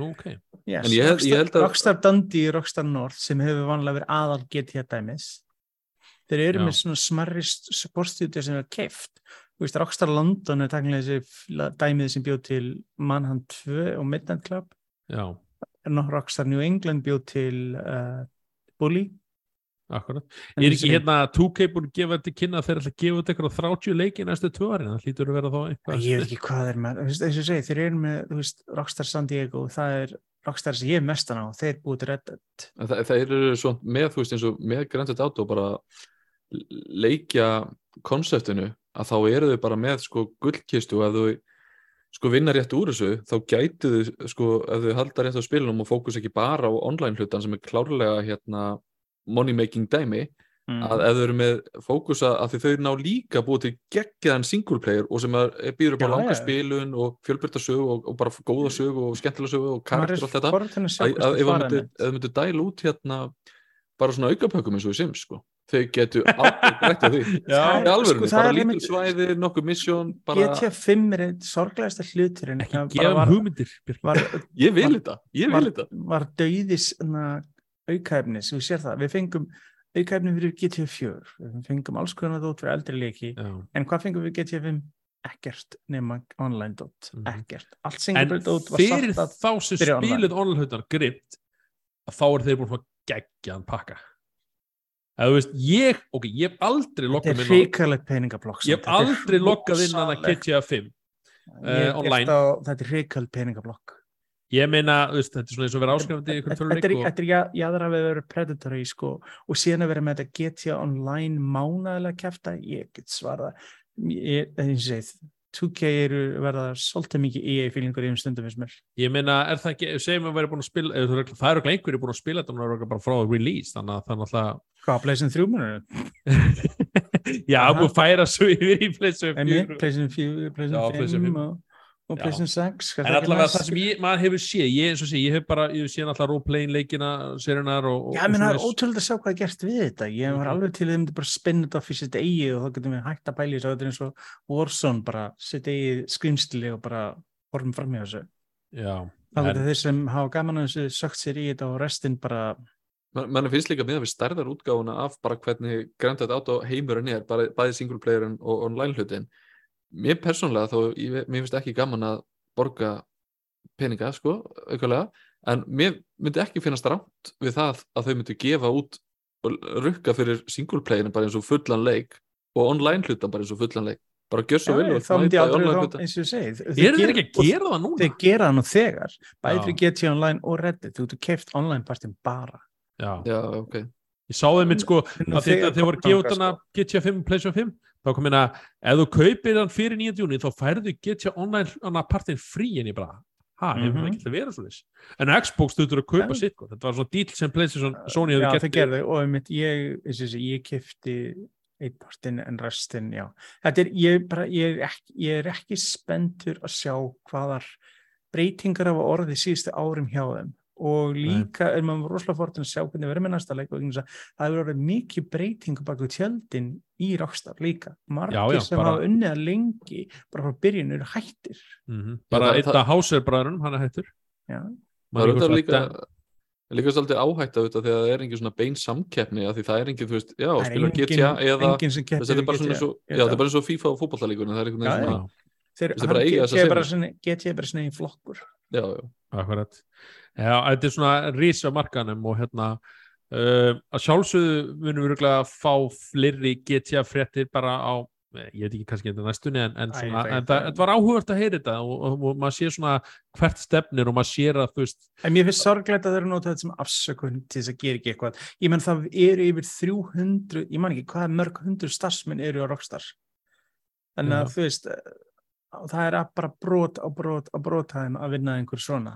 Sveitn er reyður Æ, mér finnst þetta bara, mér, mér finnst þetta bara léleg afsökun og ég ætla ekki að horfa fram hjá hvaða sull þeir gerði með getja safnið. Alveg eins og Mm. rugglið sem uh, Blizzard er búin að gera með Diablo og þú veist, bara á ekki að horfa fram hjá fyrirtækinn þegar að gera svona. Þú veist, þú verður aðeins að láta Já, já, þetta er bara þetta er svona, eða, ekki, þetta er svona, ég ætla ekki að setja sér raunveruleiki í dag sko þeir eru búin að tímar. 155 miljón eintök GTA 5 þeir eru búin að mókin stjarnfræðilegum upphæð þeir getu léttilega borgað fyrir allt þetta dóð sem þeir eru að tala um að þeir eru verðið að senga til að gera þetta GTA 5 samt halda frum að búti GTA 5 með sama gæðastæðli og hefur verið og það eru engin breyting. Einu mismun er þeir myndi ekki fá jafn mikið pening inn fyrir dittnar og Þú Þú minnir ekki Grand Theft Auto 6 Þú voru bara að vera duglegur að hérna, kommenta á samfélagsmiðlum hjá þeim að því að hérna, þetta er eins og með hérna, CCP Games uh, með alla EVE Online spilaruna það nánast sama hvað þau setja á samfélagsmiðla. Það er Jesús alltaf einhverjir sem segja Bring back Dust 4 nei, 540 það er bara, Já, já, það er já. ennþá í gangi. En ég sá eins og líka að CCP var að auðlýsa eftir fólki heldur að London við að vinna hérna online. nei hérna, já, first person shooter leik þeir að- eru búin að, þeir eru ekki gefið draumin ennþá að búa til einhvern svona leik þrátt fyrir, Þetta er bara Disko að þú tilraunir. skorli niður samfélagsmiðla á Facebooku hérna, þetta er á YouTube-vídeó allstar, það er bara allstar samfélagsmiðlar eru- eru hættilegt fyrir bara, bara Nákvæmlega á fyrir svo marga sakir. Það er ákveðin fóra. Það var samt svo ógeðslega töff koncept Koncept er er- gott. Ég man eftir í pröfanum sín tíma og þetta var svona, Já, já, þú veist, maður, ég veit ekki, maður sá möguleika en ég held að metnaðurinn var alltaf miklu meiri en var gerlegt sérstaklega þá. Í, ta, í dag er tækni miklu meiri. Ég held að gera meira Með, með, með Dust. Ég- Mér finnst þessi tenging á svo töff. Þetta er svona eins og þú er að spila, veist, uh, managerleikin og ég var að spila FIFA og ég var að spila leikin að þínu Mér finnst það svo geggjað sko. algjörlega, algjörlega. líka, eh, þetta er líka bara hræðilega nafn á leik ef maður segja það, Dust Mhm. 514 Vel, En besta döst momenti var náttúrulega þegar Hilmar Vega Pétursson mætti á í3 á Sony kynningu bara var á sviðinu var þetta er nokkað næst Já, þá, þá voru held ég þrjú íslensk eh, það voru, það voru að koma eitthvað EA þarna sem voru alveg nokkur. Mm. mm. það, það var líka frá hérna, Everest stúdíun sem gerir Everest VR og Everest já, já, hvað heitir það Reykjavík, að ég man ekki já, hvað heitir. jú, jú, þeir eru um Solfar eða eitthvað. Jú, þau, Jú, þau voru að gera Godling, Godling minni með hann að við heitir svona VR-leik en það var ekkert úr því sko. En hann var alveg kynntur í smá stund þarna á í3 á, Mhm. á stóru kynningu sko. Það er svo oft er. En það er kannski svona smerri frétt um, Gollum leikurinn Gollum, um, Gollum The Untold Stories eða hvað heitir, mér skilst hann heitir uh, Sveinn, getur við er, fengið þetta aftur? hvað sagður Getur við fengið þetta aftur, Sveinn? eða? Já, með það? Gollum, Gollum vel gert, vel gert. Hérna, já uh, Sveit sem Gollerir Eh, Ég mun, ég mun, ég mun, ég mun rappa íslensku gána Nákvæmlega. Uh, Hann er að koma fyrsta september. Uh, Við fengum að Já. sjá nýjan trailer um uh, leikinn og Hann er vera nokkur er- ári í framhjulslemið líka. Einn af fyrstu next gen leikjana sem hann kynntur. Já, og hann lítur bara ekkert next genlega út. Hann lítur pínur af, það verður Já, ég, ég verð að segja það svona veist, jú, það koma svona svona dýflissur, eitthvað svona, wow, þetta er flott gert svo kemur eitthvað person, eitthvað bara, uh, hvað gerist þarna? Gollum virkar ekkert rosalega vel. Ég, ég, Nei. akkur, akkur ringdi þér ekkert í þú veist, vetta og fengur smá betra tekna Er Gollum eitthvað, þú veist, vinsæll í dag? Þú veist, þú veist, ég meina, Lord of the Rings er Goll- En það eru Já, komað Lord of the Rings þættir. Ah, Já, þeir eru með að koma nákvæmlega sama tíma. Já, um það byrja í sama mánu þeir eru, Amazon þættirnir eru að droppa hann í september. Þeir eru ég, og Amazon er búin að dæla hressilega miklu magna peningum í þá. Já, það er tengingin sko. Já, Þetta er þessum- svona einhver læðu púkast leikur, þetta er svona Sko, stelfleikur þetta er stelðleikur, þetta er gerður af fyrirtæki sem er maður sá, ég er að minna mér fannst eitthvað að þeir voru sem gerðu maður er svona, ég uh, þetta gerist á áð, þetta gerist miklu áður en myndinar gerast þetta ekki Jú, Hann er- gerist, ég held að þetta segi frá þegar að Gollum er, já, er einmitt captured af þann um, í Mordor einmitt og allt það. það, það að gerist það ekki miklu setna Nei, það gerist fyrst, manstu? Gollum er sem sagt verður, verður fangi á milli Hobbitans og, já, ég vissi því, já, já og hann er- þá, já. manstu, þegar komist að Shire já, já, já, já, já, já. Ég, Já. ég held kannski að þetta væri ennþá fyrr, ég kannski rugglast að því hann var að koma með hár, þa- eða svona, var með fýtt hár Nei, þannig í nei. og, En er spurningi, kannski er eitthvað backstory, eitthvað fleira og allt svo leiðis, en, en eins og sé, þetta er leik sem kynntu 2019, ég veit ekki, hann virkar pínur röff og já. Ég veit það ekki, þetta er, þetta er rosalegt leikur. greinilega er svona áherslan á umhverfið heimurinn og, og þú ert svona eins og segja, þú ert að fara á milli runna og annar runna og þú mátt ekki láta sjá þig ná Þetta, þér og, þetta minnir mann á, æ, hvað hétt hann, Styx, eitthvað, það var eitthvað svona laumbúkuleikur, svona leikst eitthvað goblin. Akkurat, og nákvæmlega. ég hugsaði það alltaf til sánleik, Styx Master of Shadows Já, og það er einmitt leikur sem bara þú getur skipt út Gollum fyrir hann og þá verður komið það sama maður sá einmitt eh, í tillinum að þú ert að kasta stein hann að láta verði svona lítið annað og, og, og svo fyrir fram með að ég er búin að spila hundra svona leiki. Ég- svona, og, og ég hef alltaf ekki þólað stelðparta í töluleikum Og og hvað að þá spila leikur er heilan leik. bara út á stelð og hugsa, ég meina minnst hvort í Splendcell gæti ég rölda einhver gaur og drepið henni ef mér langaði til þess eða. Hitman, skilur mig, sem er stealth and sand, Æ, just, Já. ég veit það þetta er, já ég var mjög forvitin þegar ég hyrði þessum leik fyrst, ég get sagt ykkur það en, mm. en þegar ég er búin að sjá hann núna svona lótka útgóðan mætt, mætt metta fyrsta september og hann er, þú veist, hann er ekki flokktar en þetta og einhvern veginn svona og það er svona, finnst mér sjármunni farin úr og ég, Þetta sé, ég er rosalega spennt litlu fyrirtæki í Þískalandi og maður svona, já. Já, það væri pínu sem með avatarleikina af því mér finnst eins og með Lord of the Rings bíómyndirnar sem að fanga þessu marga var þetta stórbrotna sko, landsvæði og hvernig personum voru og, og special effects og saman með Avatar, þú veist að ég myndi að sér að Avatar væri að fara að gefa út hérna svona leik, það er svona, ég veit það ekki. Já, og með við það, sko, í millitíðinni og með þeir eru búin að framlega en leik það fór stúdíuður um vilja hausinn og keift af útgefndar Nakon. Það ok. að sé að þú veist gengur gegnum Þið skulu klára þetta. Þetta, þetta verður eitthvað diet útgáð, eitthvað diet góðum. Nei, þú sér það sko, stúdíu sem gerir leik er þekkt fyrir kli- point and click leiki, þeir gerir þetta og það er gert alveg ágætt leiki en þeir hafa aldrei gert, held ég, svona leik. Já, já.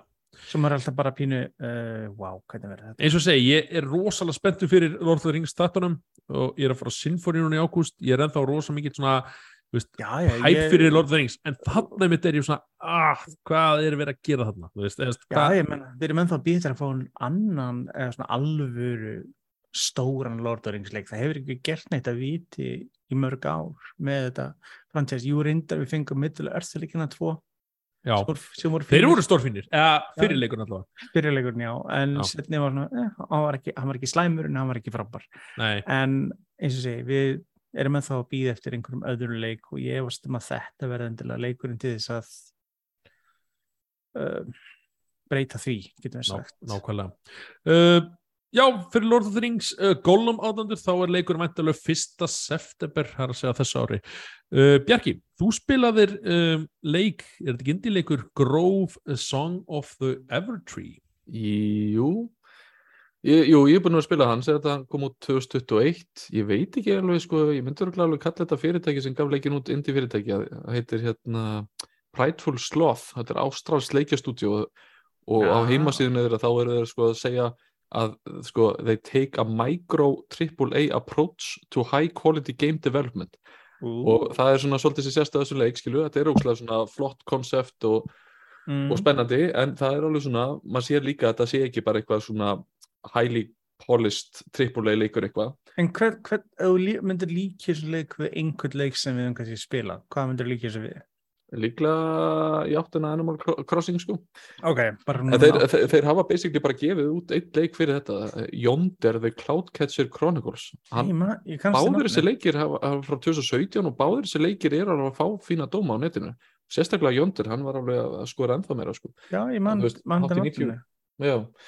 Uh, En þú ert basically í leiknum þá sem sagt ert að býra til þína einn personu og uh, það er eitthvað svona eitthvað dulafullir atbyrðu sem aðeins í stað og það er eitthvað svona rísa, rísa svo tré sem að bara líku við að með líka við, þú veist, uh, yggdrasil eða eitthvað svona, bara tré lífsins einhvern veginn sem að býr til uh, svona gróður og líf og, og gleði og eitthvað. Ok, það er, eitthvað, já, er eitthvað svona einhver illgresi og eitthvað vesen í gangi hérna sko. Og þú ert sem sagt manneskjan sem er svolítið að fara að bjarga þessu málum þannig að þú Ú. ert að fara að svona þarft að hérna e, rækta e, landsvæði, þú ert að gróðusetja tré, þú ert að vökva plöntur hvort það vinna fyrir skóraktina?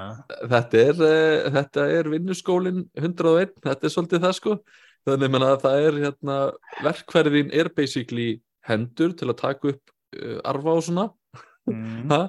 og það er hérna að strá svona fræjum að setja fræ í jörðina, það er að vökva það er að hérna, slá eitthvað gras það er að höggva uh, tré, það er að dundra steinum í sundur og þú veist, þetta er eitthvað svona og þú ert bara að þvælast þarna um og ert að sapna svona resources og á sama tíma að dreifa út þessu svona græna, þú ert að fá evertree til að svona blómstra aftur og stækka og taka yfir eitthvað svona minguðum svæðum Mm. og þetta er alveg svona allt í lagi sko, ég meina þetta er svona rosalega chill leikur, þetta er ekkert svona eitthvað svaka stert gól í því þó það sé alveg skriljón svona lítil achievements í þessu. Um, en svo er svona hinn vingillin, þetta er einnig tvískipti leikur, það er annars er að gera þetta og svo er hitt það sem ert að búa til þinn eigin bæ, það er svona building mode, það sem að fólk er að koma, hei það er hérna góður hlutur að gerast þér, ég vil aftur flytja hingað og, og þá þú að byggja hús og það ræða þeim upp þú átt að breyta húsunum, getur látið hérna, breytt hvernig þökin líti út og hvaða málingu á að nota og færi svona alls konar auka hluti stittur og gósbrunnu eitthvað til að skreita bæðin og þú ert að, þú veist, að leysa verkefni bara, þú veist, einhver vil fá nýtt yfirverðskegg jú, þú verður bara einhvern veginn að græða það. Þetta er allt svona einhver lítil og krútleg verkefni sko. það er aldrei eitthvað svona hei, það er verið að fara að taka yfir heiminum eða eitthvað. Þetta er meira svona, hei, mér í nýja peysu. Þú veist, maður eitthvað, já, já, ekkert mál. Og eitthvað uh, þannig að þetta spila saman. Til að geta byggt hús til að uh, fólki getur fjölgað svo að vera hamingsamara þá þarf það uh, planta fleiri, þú veist, búið til fleiri trí ná í, þú veist meira resources og, og þetta svona spila saman. Og er svolítið að flakka á millis að tvekja heima sko. Er þetta svo svona SimCity og slash Sims einhvern veginn svona? Um, já, með Sims hlutan kannski ekki af því að þú ert ekkert að stjórna fólki sko, Nei, nema fyrir sjálfur bara, eða sjálfum. Uh, eða sjálfu. Það er actually, þú velur sér sett kyn og það er hérna uh, þú velur sér sett karlkyn, kvenkyn eða kynhlutleysi. Frábært. Með að það geggja töff sko. Já. uh, en, en, en, en já, þú ert sagt að búa til svona bæ það er eitthvað svona, hver og einni með svona ég er svona góður í service en lélugur í, í einhver öðru og þá þarfst þú að passa, herru, þessi á að vera að vinna á veitingahúsinu, þessi á að vinna í bókasafninu og eitthvað svona þú ert að stækka þetta hægt og rálega sko. Og þetta er bara super chill, þú veist. Man, Þessi alveg er, er pælinginu baku bygging hlutan eða svona town ma- making er þetta svona, þarftu eitthvað að hafa fyrir því að, að byggja, eh, lendur ykkur í krísu eða eitthvað svona, veist? Mm, ekki krísu að þetta Það er meira að svona það er meira kannski eitthvað sem kemur og segir oh, mér vantar nýtt heimili og þú getur ekki búið til nýtt heimili þá bara þú veist hopparu í hinn heiminn hinn hlutan á trénu þar sem þú ert að gróðu setja högva tré og kemur aftur og býð til heimili. Þannig að leikurinn setur aldrei í eitthvað svona hey, super challenge mode eitthvað. Það er bara chill, taka rólega ég meina mér brá, brá svakalega þegar að karakterinn mér fór í vatn og druknaði því það bara hafði ekki gerst. Ég bara býtu hvað gerðist núna Býtu, fer hann bara bara respawnaðist á staðnum skilju Já, ok. Gerðist ekki træðilegt en mér brá samt að því þetta var svona frekar dark svona meða við stemningunni í leiknum. En hvernig, þú ert ekki stýran í þriði personu eða fyrstu personu, ertu bara stýran svona með kliks og, og eða þú veist Nei, þú, þú stýrir henni, ég set þetta er, hann er sagt, til á PlayStation 4, Xbox One, PC og Nintendo Switch.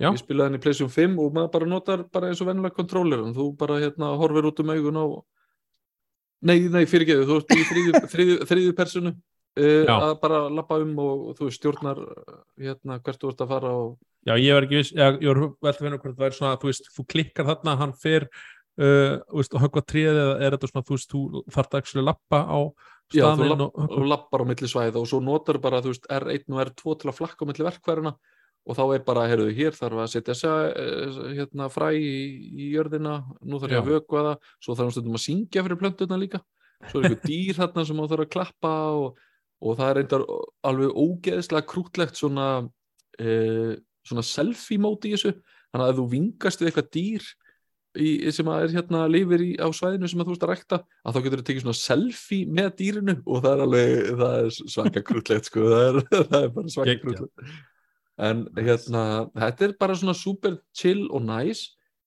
Eh, en það sem gerist aftur á móti er svolítið að þetta er svona casual leikur myndi ég segja að það er það er mikil endurtekning í hérna Mm. þú veist, eh, þú ert að fá ógeðslega mikið af verkefnum og þú ert alltaf, þú ert bara, þú veist, ef þú reddar þessari mannesku nýju peysu, þá færðu bara hérna velun fyrir það, færðu bara einhverja plúsa og gemstein og eitthvað dæmi. En þú veist, þegar þú ert að rækta svæðið þitt þá er þetta ansa einhæft að vera, þú veist, að höggva trí, þetta er svona, þetta er slow grinding svolítið, það er stemningi Já. sem að maður fær þar, sko. En á móti getur alltaf farið einhvern veginn meira í building mode og farið að gera meira þar. Og getur svolítið svissa á mikið, uh, milli.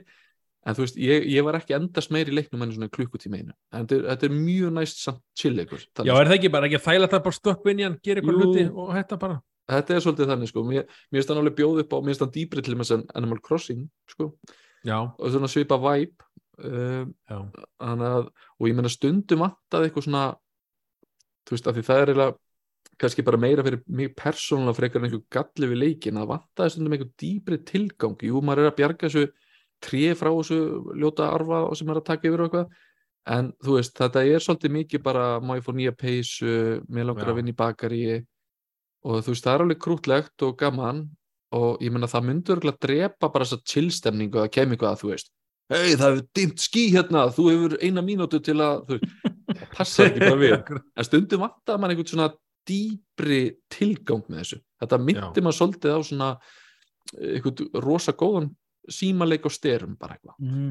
Hvernig- er, er verðpunkturinn á þessu leik? hann er nefnilega svona mitt á milli. Mér minna hann að kosti eitthvað í kringum 25 dólara eitthvað svo leiðis Já, ég kefti hann á afslætti þannig að ég var búinn að hafa auga á hann um einhver tíma en þú veist, hann var á einhverjum afslætti fyrir einhverju síðan og ég kefti hann og bara fín Ja, þannig Nei. sko ég held að ég sé búin að spila hann í einhverja 5-6 tíma minni mig og þú veist það er alveg nóg eftir það er alveg bönns Já. eftir sko mm. maður er ofta að stækka svæði sem ég ofta að byggja uh, og þegar maður er að rekta skóana sína þá bætist alltaf við nýtt og lít landsvæði þannig að þetta verður alltaf einhvern veginn stærra og stærra og koma ný dýr í hver skipti og veist, það er alltaf eitthvað svona sem er nýtt í hver skipti sem að uh, þetta er skipti svona dag og nótt í hver skipti sem þú fer að sofa þá er alltaf eitthvað nýtt í gangi, ný verkefni ný Mm. dýr, nýjar plöntur þú veist, það er alveg, þú getur alltaf fundið eitthvað að gera sko.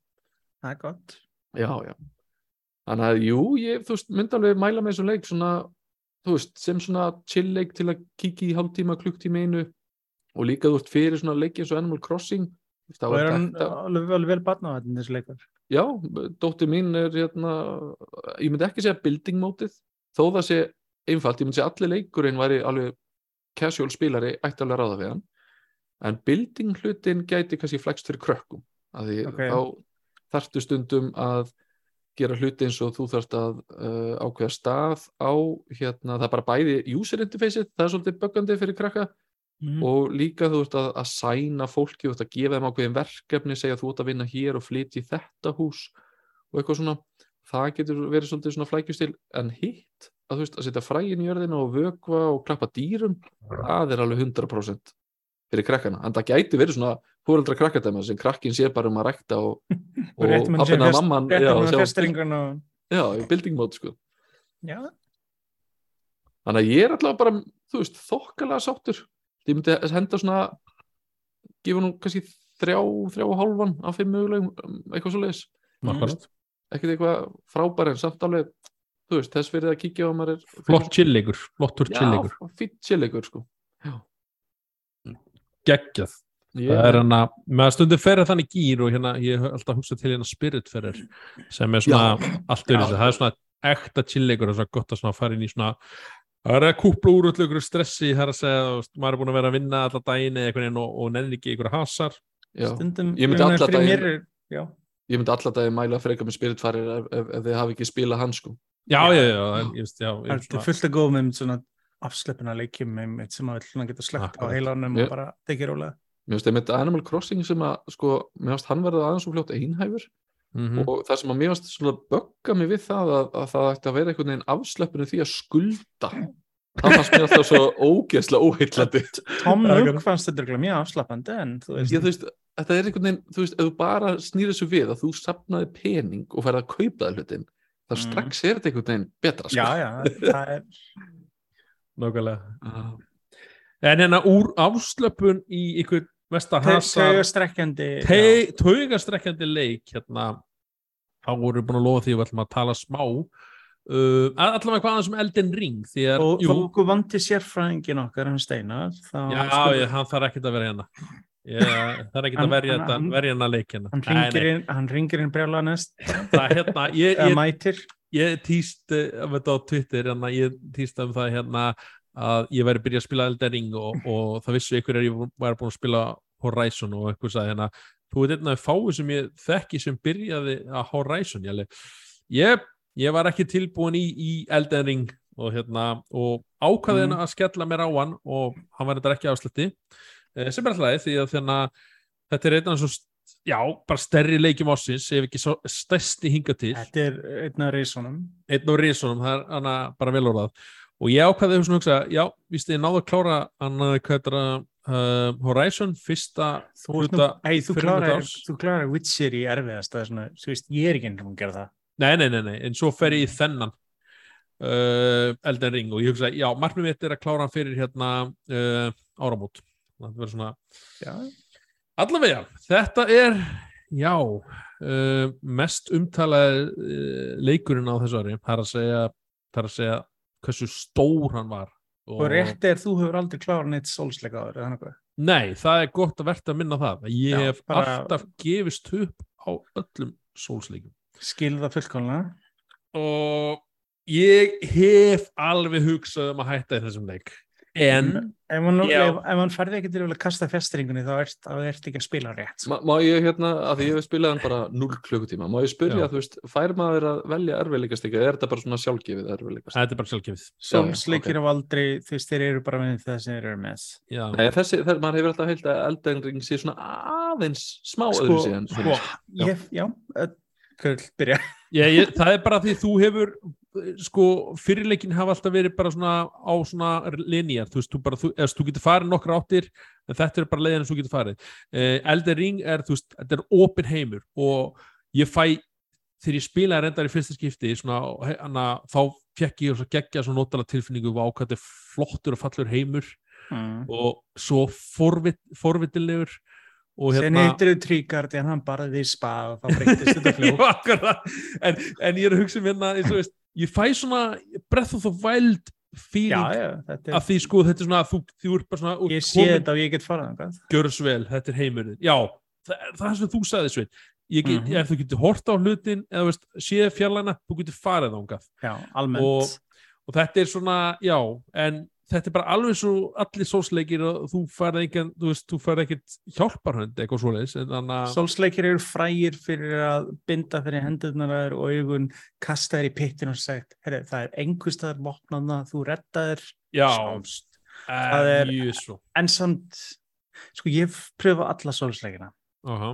Ég hef klárað ótrúin satt alla nema Sekiro. Já, það, já, ég er svona, hann, Hann er er, svona öðru flokki. hann er, hann er vippi, sko. Hann Ég veit er, ekki alveg, hann er ekki þessi, hann, er- hann, er- er, er kvalvasti, sko. Nei, hann enda byrjaði sáleikur sem tensjuleikur. Nei, nei, Na- þetta, já, hann er líka, En já, eins og fókus og sko, viðbrögð. bara með því að breyta, sko, eins og segir, vanlega var all, leikindi miklu meira svona linir, eins og segir, línulegri. Þú fóst einhverjum boss, hann barði í spað, þú dóst og dóst og dóst og þú þangar til þú fattar hvernig áttu að reyna að segra hann eitthvað og ekki, þú gast aldrei eh, sjaldnast farið tilbaka að einhverju viti. Þú getur það, jú, það er alltaf, jú, borðin er alltaf svona, þau voru semi-open en þau voru samt svona frekar línulega það var alltaf boss á ákveðinu leiðum. En það sem var skemmtilegt átt í þessu leiki og þau voru svona svolítið samtengdir að þú veist, eitt leiti, eitt svæði leiti inn í annað slags og það er svolítið í e, þessum líka. En bara eins og ég segi með því að opna leikinu upp vegna þess að þú ert líka með nokkra tegundur á óvinnum svona ert með svona óvinn út í heiminum, þú ert með óvinn í difflusum, þú ert með bossana, ertu með aðalbossana sem þarft fyrir söguna. Já, þeir eru með svona 500 típur af óvinnum, svona útlýs, útlýslega séð og þá er bara, og þeir eru mjög, mjög margi, mjög forvetnilegir og mjög flottir, þó að en- þeim gerur örugglega nákvæmlega sama. Já, eins og í öllum sólsleikjum séður smá endurtekningu eftir smá tíma. Þeir það hafa alltaf verið frægir fyrir að nota sko uh, semst óvinni sem þú mætir sem boss snemma í leiknum mætir þessum almennum óvinni setna mér og þá er Já. það er mjög algengt í þessu leikjum er að einhver gaur sem þú barðist við og barði spað sem kemur setna og þá mætir spila, dím, eða spila Dark Souls 1 og þú mætir 16 svona gaurum sem er allir rengstar á blaði já, í einhverjum eldpitti En þessi leikur gefur enga miskun. Það er bara þeir hent bytti tjúbalögina og já, ég get verið svo hvernig, hvernig, hvernig gekk? Segðu okkur frá fyrstu skrefum þínum eftir að komast upp úr liftinni hvaða klassvaldri? Uh, ég held, ég held, ég veit að hana, Vulkan hefði ekki fyrsta klassin, hana Warrior, Van, Vanguard eða ekki?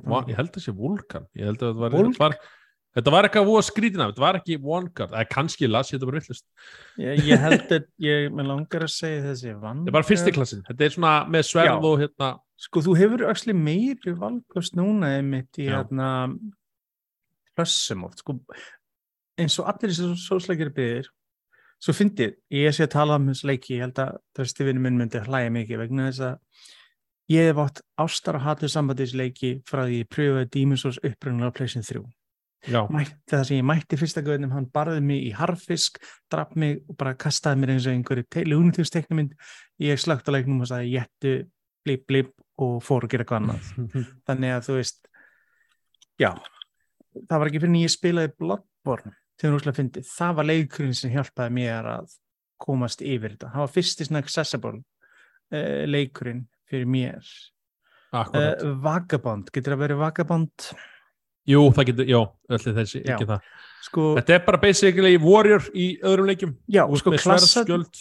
já, klassarnir umverulega í þessu leikjum skiptar umverulega neina máli þannig Nei. að sé þeir eru bara grunnur þú Akkurat. getur tæknilega sé búið til Warrior sem er nota magic þetta er eins og í Skyrim og svo þú getur notað og umbreytt karakterinu Já. eftir því með einn stíl að mestu Mér finnst það líka flott, ég meina að þú finnur alltaf eins og spilunastíl, þú er alltaf öðru, ég er miklu betur með bóð og örvar, best að levela og það er- eða. og það er að geta laumast um mér ótrúlega skrítið, að- geta hoppað þér ótrúlega skrítið og hvað þá hesturinn, hesturinn gjör breyti leiknum. Algjörlega, þú getur Að- doppeljobbað með hestinum og að geta ferðast um og geta valið hvenar þú vilt berjast í óvinni og ekki óvinni já. komið þér úr vanda.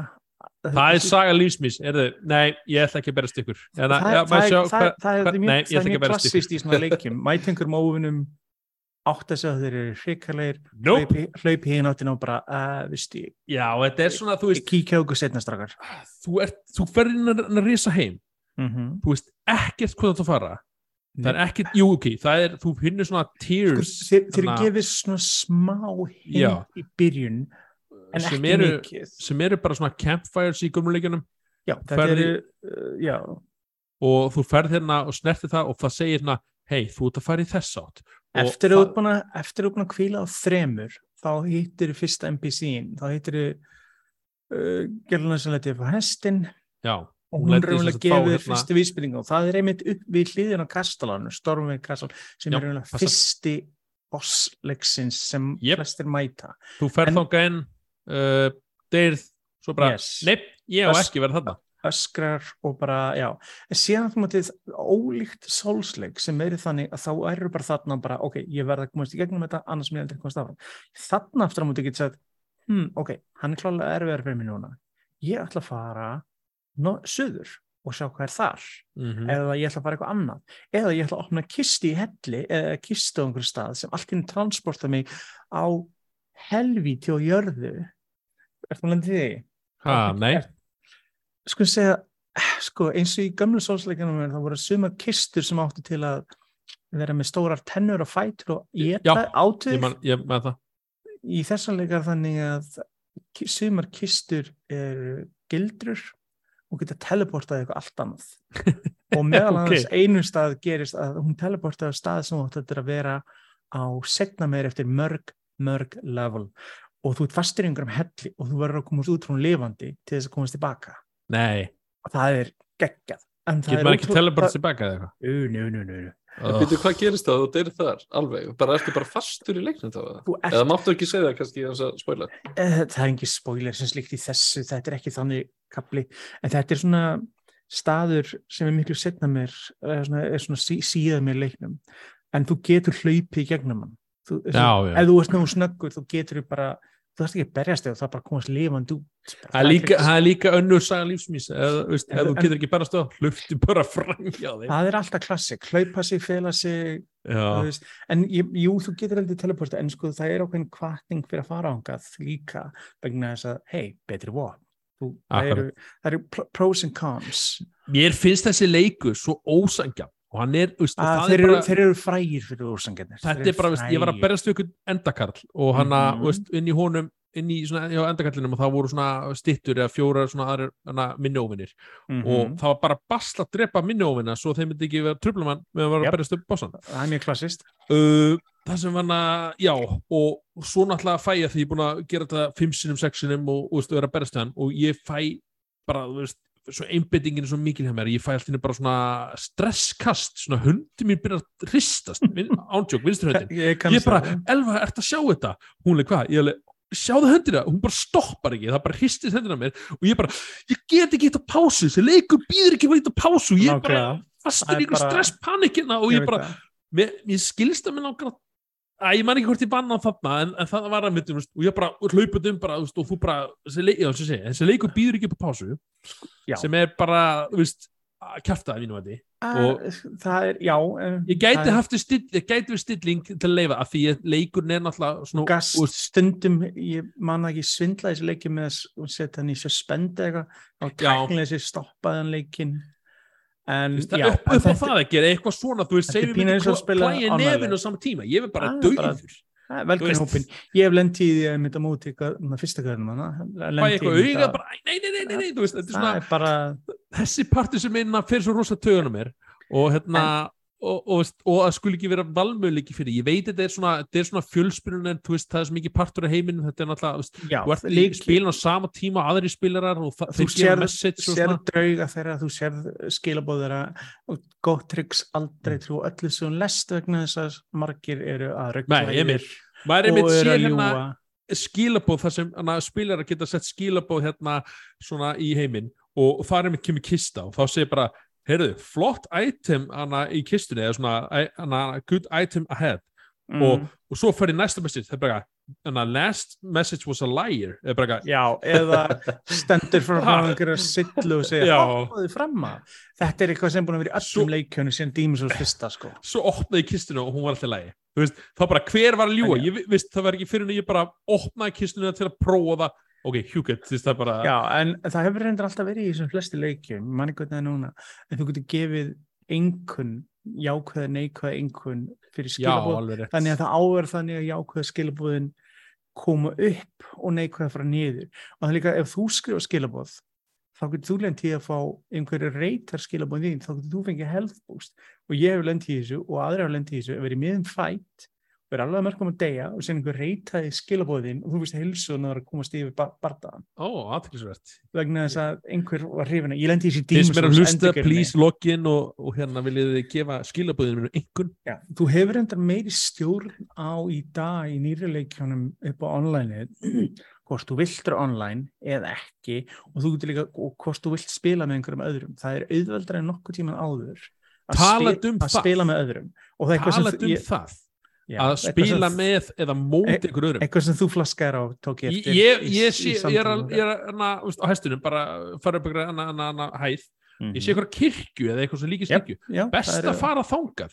Já. heyrðu, mæti með einhverju gaur sem er svona draugur, rauður ég held að sé annað player. Já, sko þeir eru sko annarkvort NPC invaders eða, eða venjulegir invaders já. ég var ekki að byggja um það að það var einhver gæi að koma inn í leiki minn og drefa mig.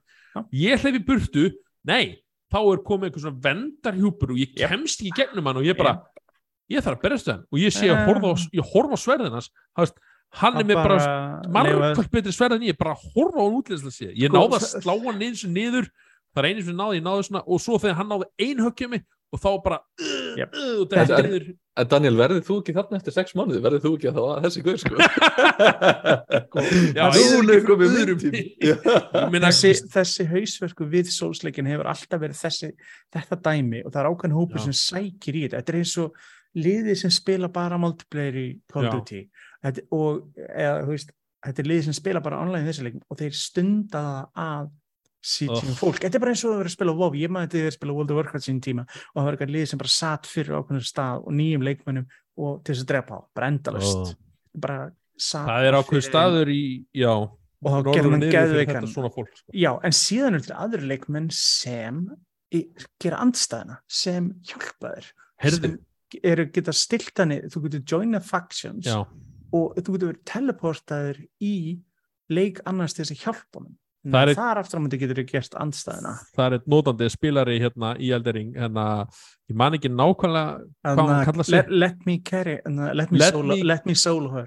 Let me solo her, hann actually stunda það að hjálpa fólki við að klára er erfiðast og þetta er erfiðast í bossin leiknum. Ég hef spilað á mótinni, hún gerði mig geðveikan, ég held ég myndi aldrei komast fram hjá henni.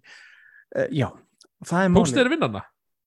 Með hjálp, auglustlega ok, ok, já, En já, já. já svo líka það, við er við erum að tala um hérna, hérna heiðarlega sólspilara þá, veist, þá er Mhm. til sólspilarar sem segir bara, heyrðu, ef þú færi hjálp þá ert ekki spilari hérna, já, þeir geta, þeir geta hoppað upp í haldi sér. kjafti Alveg- er eins að segja og- það, ég ætla að segja alveg það eins, bara hér fram. alveg eins og liði sem segir þú máttu ekki fletta þá Ég- er segi bara, ég á heima á vikisíu leiksins, Já. býtt í þig. Leikur ég er hérna- er með smá- í Fyrir Já. þessu.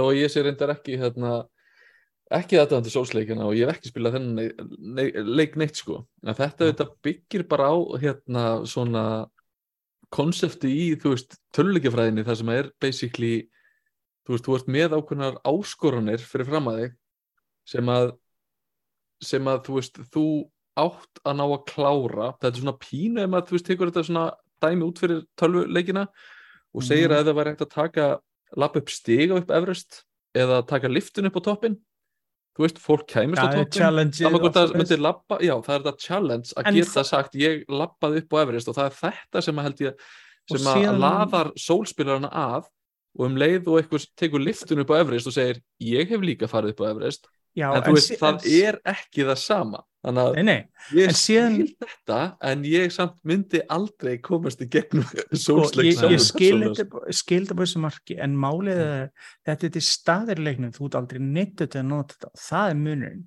það Já. er málið þú hefur og valkost, þú þarft ekki að nota þú getur spila síðan er til geðsjöklingarnir sem spila þessa leiki í level 1, level aldrei upp og reyna að klára leikin svoleiðis Ég Ímyndaði segi, þá ég- geðu ekki, ég var level 100 ég man ekki hvað þegar ég klára leikin Já, ok. okay. ég, þú veist, ég Þá- bara þá- glimti að reyna að þú veist gera þetta án þess. Það er það, þá er það fólki sem segist þegar ég ætla að fara í kottnis og labba aftur og baka upp Everest Já, Það það er mál, það er, það er til sáhópur, en sko málið er það, þú hefur alltaf haft valkostin í sólsleikum eða lengst af, að geta sammenað aðra til þess aðstóði, þú þarft þess ekki, það er bæði NPCs eða raunverulegt fólk sem hjálpa þér, það hefur aldrei verið eins auðvelt að gera það núna, en þú getur komið að boss, ef þú progressar í leiknum og gerir okkur questlines, þá opnast fyrir kannski viss karaktera.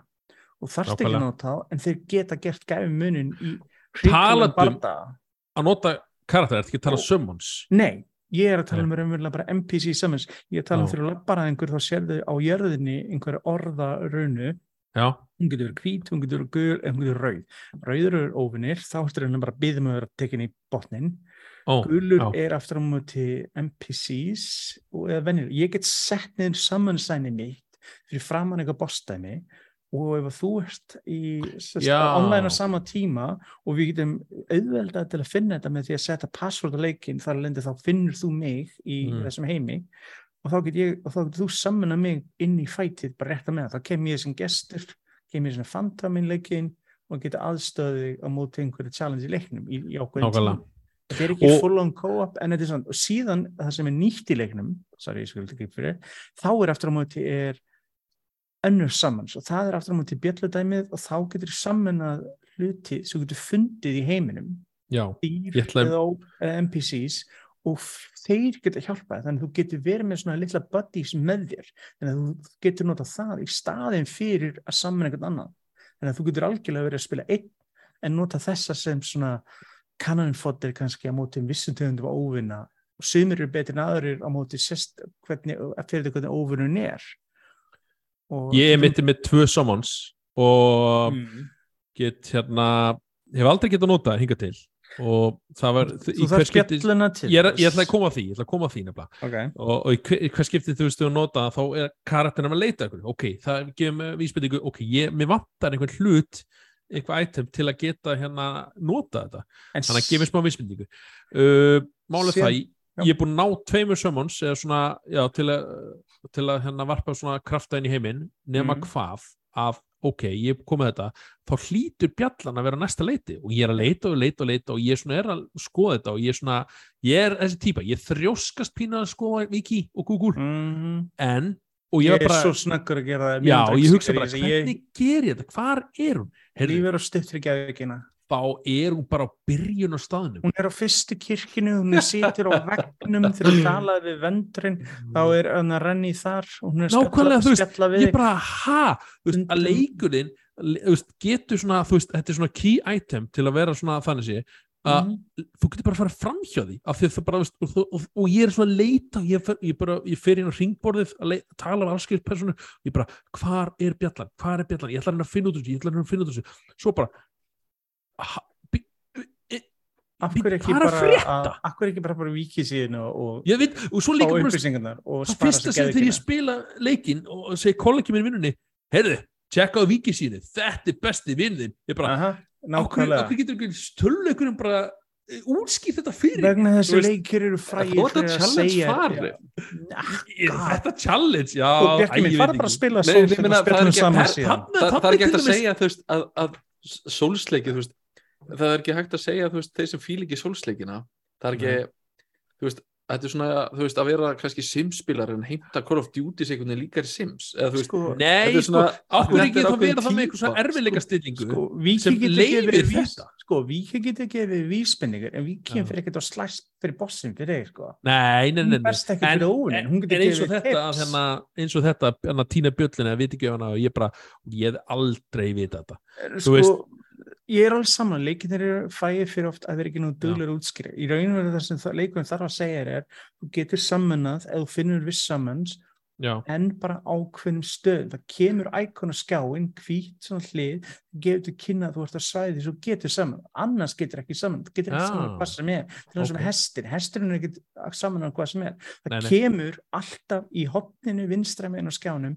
kemur hvít íkon sem blikkar, sem gefur til kynna þú ert á svæði það sem er hægt að samana svo líka bara þess að segja, þú veist maður veit ekki alveg hvert maður að fara maður fyrir bara einu svo en annað og ég er bara ekki, hvað er ég að byrja í leiknum? Ég er bara best að fara hinga, best að hanga og svo það er ekki fyrir þú svitsaði bara, heyrðu farðu söður og ég fór þá söður ok, hérna eru auðveldari óvinnir, hérna er ég svona Leik, fattarðu? sko heiminu þetta raðar upp þessar margir rúpleikir sem er raðar Já. í levelum og eru mismundi erfið og það er ætlast að þú takir í ákveðinu röð en það er ekkert sagt frá því sko. en málið er teknilega séð þegar þú byrjar Mhm. á Weeping Peninsula, eða þú byrjar þá teknilega séð kemstu bara á tvo staði raunverulega í fyrstu sín, þú kemst í genn Kastaland að fyrsta görnum Já. sem er hrikalega erfiður eða þú getur kannast að þú veist á og farið söður það Já, er í rauninu engin leið til þess að fara.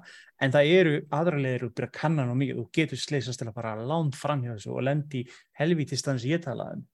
Bæði Akkurat. með því að lenda á dölufulli kistu eða bara vera explora Svo það er leið já. framhjá þessu öllu. Það er leið framhjá Kastaland þetta mis Já, þó ég sé búin að vera mikið svona tuðum þennan leik, en, en þá er ég, ég, ég er að fíla hann rosa mikið, sko, eða fattar sko, ég, ég finn svo margt ég get fundið svo margt af þessu og margt, margt það sem sólsleikinni gera mínum að þetta er hrikalega erfitt. Og ég Já, hef mikið talað fyrir um erfleikstillingu leikjum allt svo leiðis en sko það sem hjálpar þessum leik finnst mér er að hann er með þessa valkosti hvernig þú spilar hann þú Já. hefur þessi NPC samans, þú hefur hins samanin, bjallsamanin þú hefur svona ákveðin hluti í leiknum til þess að hjálpa þér að progressa. Þarft ekki að neitt að þessu nei, þú getur bara algjörlega bara röldin bara með byrjun og ég meina það er með þess að spes klassi í þessum leik fyrir fólk sem er geggjað og þarna naktikarðurinn sem er neðstur sem bara er literally bara ég ætla bara að mæta með kilfu og náttúrulega mínu ekkert annað. Já, já. og gangi mér vel. Svo líka En- bara þess að segja, betri leikstílar í bóði ef þú gerir eina mistök í endakall þá næri einu höggi þá, og svo fylgjur oft öðra högg bara beint á móti og bara, ok, þú döður. sko þetta, þetta hefur alltaf snúist rosalega mikið um uh, karakter a- animation og þetta getur stundu gert með gæðvikan en Ég er þar. En sko, kosturinn við þennan er að þú getur farið og levela garðinu og eins og í klassísku roleplayum og mætt sterkari tilbaka. Þetta er frá Final Fantasy. Gast fara að fara með einhverja óvinni og koma tilbaka og barið á óvinnum sem gerði. Áður fyrir gast aldrei gert þetta Nei. eins miklu viti nema þú gast stundu farið í aðra leiki online og hjálpa fólki og þar leðandi En já, sko, þú þarft að vera svolítið duglegur að lesa item descriptions, þess að þau gefa rosalega miklu vísbendingar og það sem fólk segir við þig. En þessi leikir eru frægir fyrir að leiða að finna þetta alltaf sjálft. Sem er, ok, ég meina, sko, það er þetta að sökka sig í víki og þessi, ég, ég nota þetta ekkert fyrir hvað sem en stundum vandar mig bara vísbendingu í hvað átti að fara, eitt og sér. Þá fer ég að tjekka víki og bara, hann er með svona progress route, hvað er gálega röð að taka þetta í. Já, það er einmitt, Ekki- ekkert ég hefði, þá hefði er- hjálpað og- Svona, síðan fyrir, það er fullt af skemmtilegum Já. leiknum sem er ákveðin púslur.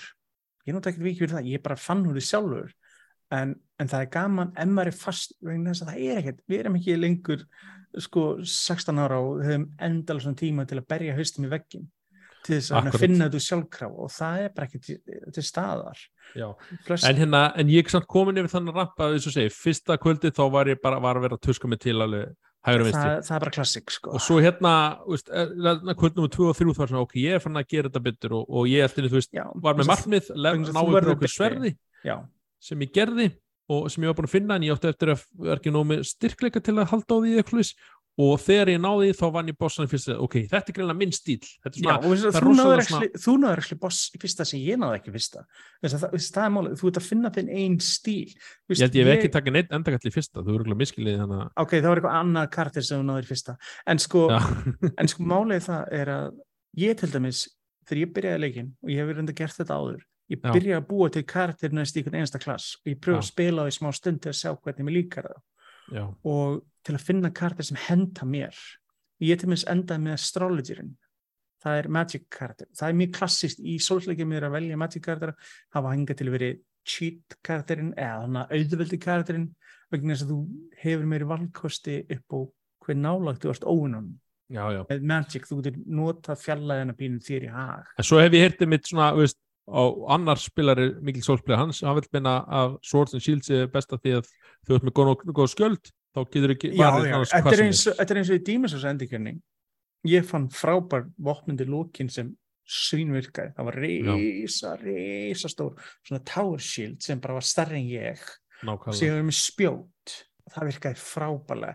En ég þurfti að levela mig upp til þess að geta haldið á því það er það það, það, það er einhvern veginn að gera þú ert að velja kartirinn þú ert að velja svona hugmyndafræðilega hvernig þið langar að spila eins og hann byrja með einhver starta sem eru betri en við þetta en hitt. Ég vera úslega stór tankigauð sem bara tekur damage og bara ber, er bara fremstur og ber eða vill ég vera svona meira nimble og léttur en er þá veikari fyrir. Og þetta er alltaf svona, þú veist já, en þessi leikir, sko, þetta er samt aðstæðan að segja þetta, en þetta er samt mest accessible souls-leikurinn hinga til klárlega, klárlega út af 100%. því að hann hefur gefið meiri valkost í spilun en okkur tíma náður hann er fakkaðis erfið, það eru svo margir óvinnir sem taka og berja því í spað það eru margir cheap óvinnir margir uh, hluti sem minnum leikurum eru hrikalega ósangat en með því að leifa er að fara tilbaka Akkurat. og spila eftir þín einu höfði ég man fyrstir í spilaði sólsleik og ég drappa óvinni og respawnaði einhver save point og koma tilbaka og akkur allir óvinni lífandi aftur, ég bara fuck! Já, já, Hvernig, hvernig virkar það að þú dyrði í þessum leik? Hvað gerist? þú missir sálirna svo út með, eða gjaldmiðlin, getum við náttúrulega að kalla, það. Hefur alltaf verið í þessu leikin, þú missir gjaldmiðlin svo út með, byrjar á næsta save point og þá ert að hlaupa tilbaka og finna, ef þú nærða að finna en að þú missir engar hluti, allir hlutinni svo með, allir consumables, alltaf helst á kartineinum. Eina sem þú tapar er gjaldmiðlin, þannig að það er eina sem þú ert raunverulega að tapa. og hann er oft eh, ekkert eitthvað, maður ma, sko, ma heldur alltaf sér rosa verður, Já, bara maður kannski þarf- 4000 maður- ó, að þið Sko, í byrjunna já, maður mælir þetta ótrúlega oft í levelum þetta er svona, Já. hvað kostar ef það kostar mig 20.000 að levela mig og ég er með 25.000 og í day þá er ég búin að tapa leveli og maður Já. passa sig ofta að reyna að vera ekki með meira en level á sér Þú getur því mér ekki bankaðan pening en þú dreikt hann bara Já. en maður passa sig stundum að við sýt ekki á það mestu mistið sem þú getur gert á því leikjum meira við erum nýbúin að drepa boss og fólir hrikla mikið af peningum og síðan halda áfram og við erum ekki búin að fara tilbaka og síðan ég var alveg dáið með bara allt heila gósið og maður bara og síðan dáið á leiðin tilbaka og bara urra vegna þess að ég bara veist, ég meina eins og segi, ef þið finnst þessi challenging spila, spila endurgerðin Demon's Souls. Já, ég Stór- ef ég kemst ekki þá kannski sko eins og segi, Bloodborne Souls 3 og þessi eru fín leið til þess að kynast þessu leikjum. Þetta er ekkit auðvöld nei, en sko, fyrstileikinni voru þannig. Demon's Souls 1 og Dark Souls 1 voru þannig. Fyrsti gaurinn barði í spað, hann barði í harfisk en það var líka þannig að ástæðin fyrir því er að þú átt að deyja. Og leikurinn segir við að deyja oft vegna þess að það er normið. Sem gerist líka þessum já, þú, veist, að deyja endarist það er svona normi, mann að þetta gerist í Returnal líka, þú veist svona ekki minna, mig, ekki minna mig að fáu döðsvöldu þínu í. Heyrðu, ég held að við verum mjög sömu döðsvöld þessum, ég er alveg ég, en sko, mál, en sko málið það, ég er svona eins og segi, sko, ég myndi að þú ert svona komin sem nýspilari, ég er svona einhvers vegar mitt á milli og, og liðið svo steinar eða félagi minn drösti, þeir eru svona hardcore lið, þeir eru sko félagi minn, Sjá félagi þess að svindlara, þeirra vikið að leikin minn svo ég neymdroppið við minn mig, hann, hann er mitt sko sólspilari, hann elskar þessu leik hann er svona típun sem spila alltaf leiki erfiðasta. Fór að spila Cold Duty bara vetturinn bara beint og allt svoleiðis, hann er svona hard, hardcore sko, menn ég var svona alltaf á trú og erlugstilling og allt saman hann var alltaf bara hann var alltaf bara á sömmunaður með fegstu NPC með þér. Þú bara, hann bara eins og ég væri bara slá mömmans eða eitthvað sko, þú veist, ég haf bara já, sko ég sagði bara, ég nota bara öll bröð í bókinni eða gefið. Meina, Hey, ég, veistu, ég, ég viðkenda hér á þess að gera það nú. Í Dark Souls 3 notaði ég smá eh, alltaf kallað cheese að bossana í svona leikjum eða bara almennt í töluleikjum. Ég með gaman, hver hefur ekki spilt töluleik? Fundi einhverja leið til að brjóta gerðugurinn leiksins eða Ég hef aldrei óvin- gert það, óvininn. skammast þín sveit Nei, svo. skammast minni ekki nei. Og Nei. finna einhverja leið til þess að þú veist gera einhvern óvinn, láta hann elda þig eða eitthvað svo leiðis og annarkot fest, þú finnur einhvern stað í umhverfinu sem hann getur ekki náðir og þú getur, þú veist svona, tekið svona, sex tíma umferðinu að drepa hann eitt að geinu sko. Eða kaupa sér hundra örvar og bara standa í fjallað og skjóta hann og skjóta hann og skjóta hann. og þú veist, það er útrúlega tímafrægt en það er hægt. Já, já.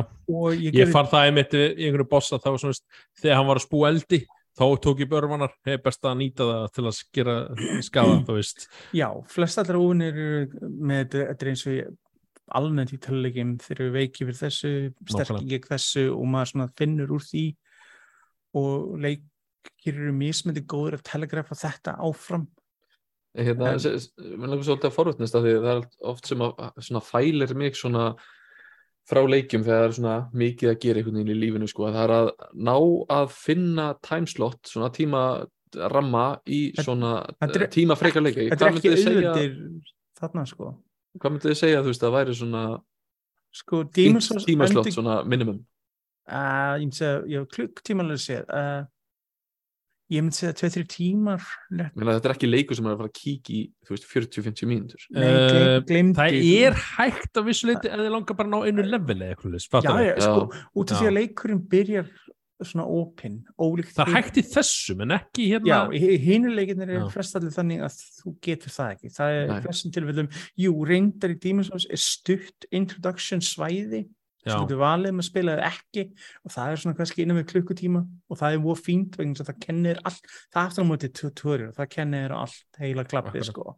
Mm. og síðan byrja leikurinn og þá aftur á móti. Og allir þessi leikir eru þetta fræði fyrir þú getur ekki pásað þannig að þú þarfst að finna þig vissan punkt, örugan punkt. Vanalega er þetta svona Já, því þú getur ekkert hægt, ef þú hættir bara miðri bara veröld, þá er alltaf byrjar bara veist, lokka leikurinn út og þú byrjar aftur það sem þú veist, Já, það þannig að maður þarf basically að vera bara einn heima og þú veist eftir miðnætti þetta er svoleiðis bara. Ég, ég, þetta er nákvæmlega, þetta er 100% þannig. Shit. En sko Þetta er er sko það, en það hefur aldrei verið eins mikið af savepunktum í þessum leik eins og í öðru leikum Já, til já, þess að fara á milli, það það er er miklu öðru og það er fast travel í þessu leik, það gamleikunum var þetta ekki þannig. Það var ekki fast travel 100%. sko í Dark Souls 1 getur ekki fast travel að milli bonfires fyrir þú ert búið með tvo þriðu leiknum. Mm. þá færði hlut sem leiði vera fast travel að milli bonfires sem þú komið áður á. Í þessu leik getur þið fast travel alla bonfires sem þú nokkuð tíðan komið áður. Já, það er gjör breyti leiknum upp á að geta spila hann snögg þess að það er fullt af litlum dýflissum sem tekur þeim 15, 20 mínútur, 30 mínútur sem býður upp á svona short gameplay líka.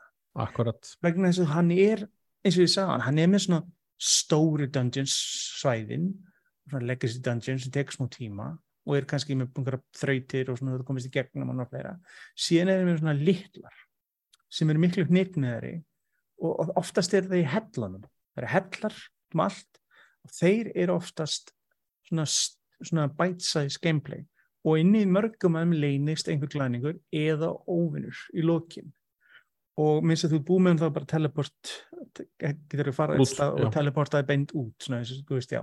Þú þarft ekki að hlaupa- að allir leginn tilbaka en það er mjög þægilega leið til þess að svona akkurat.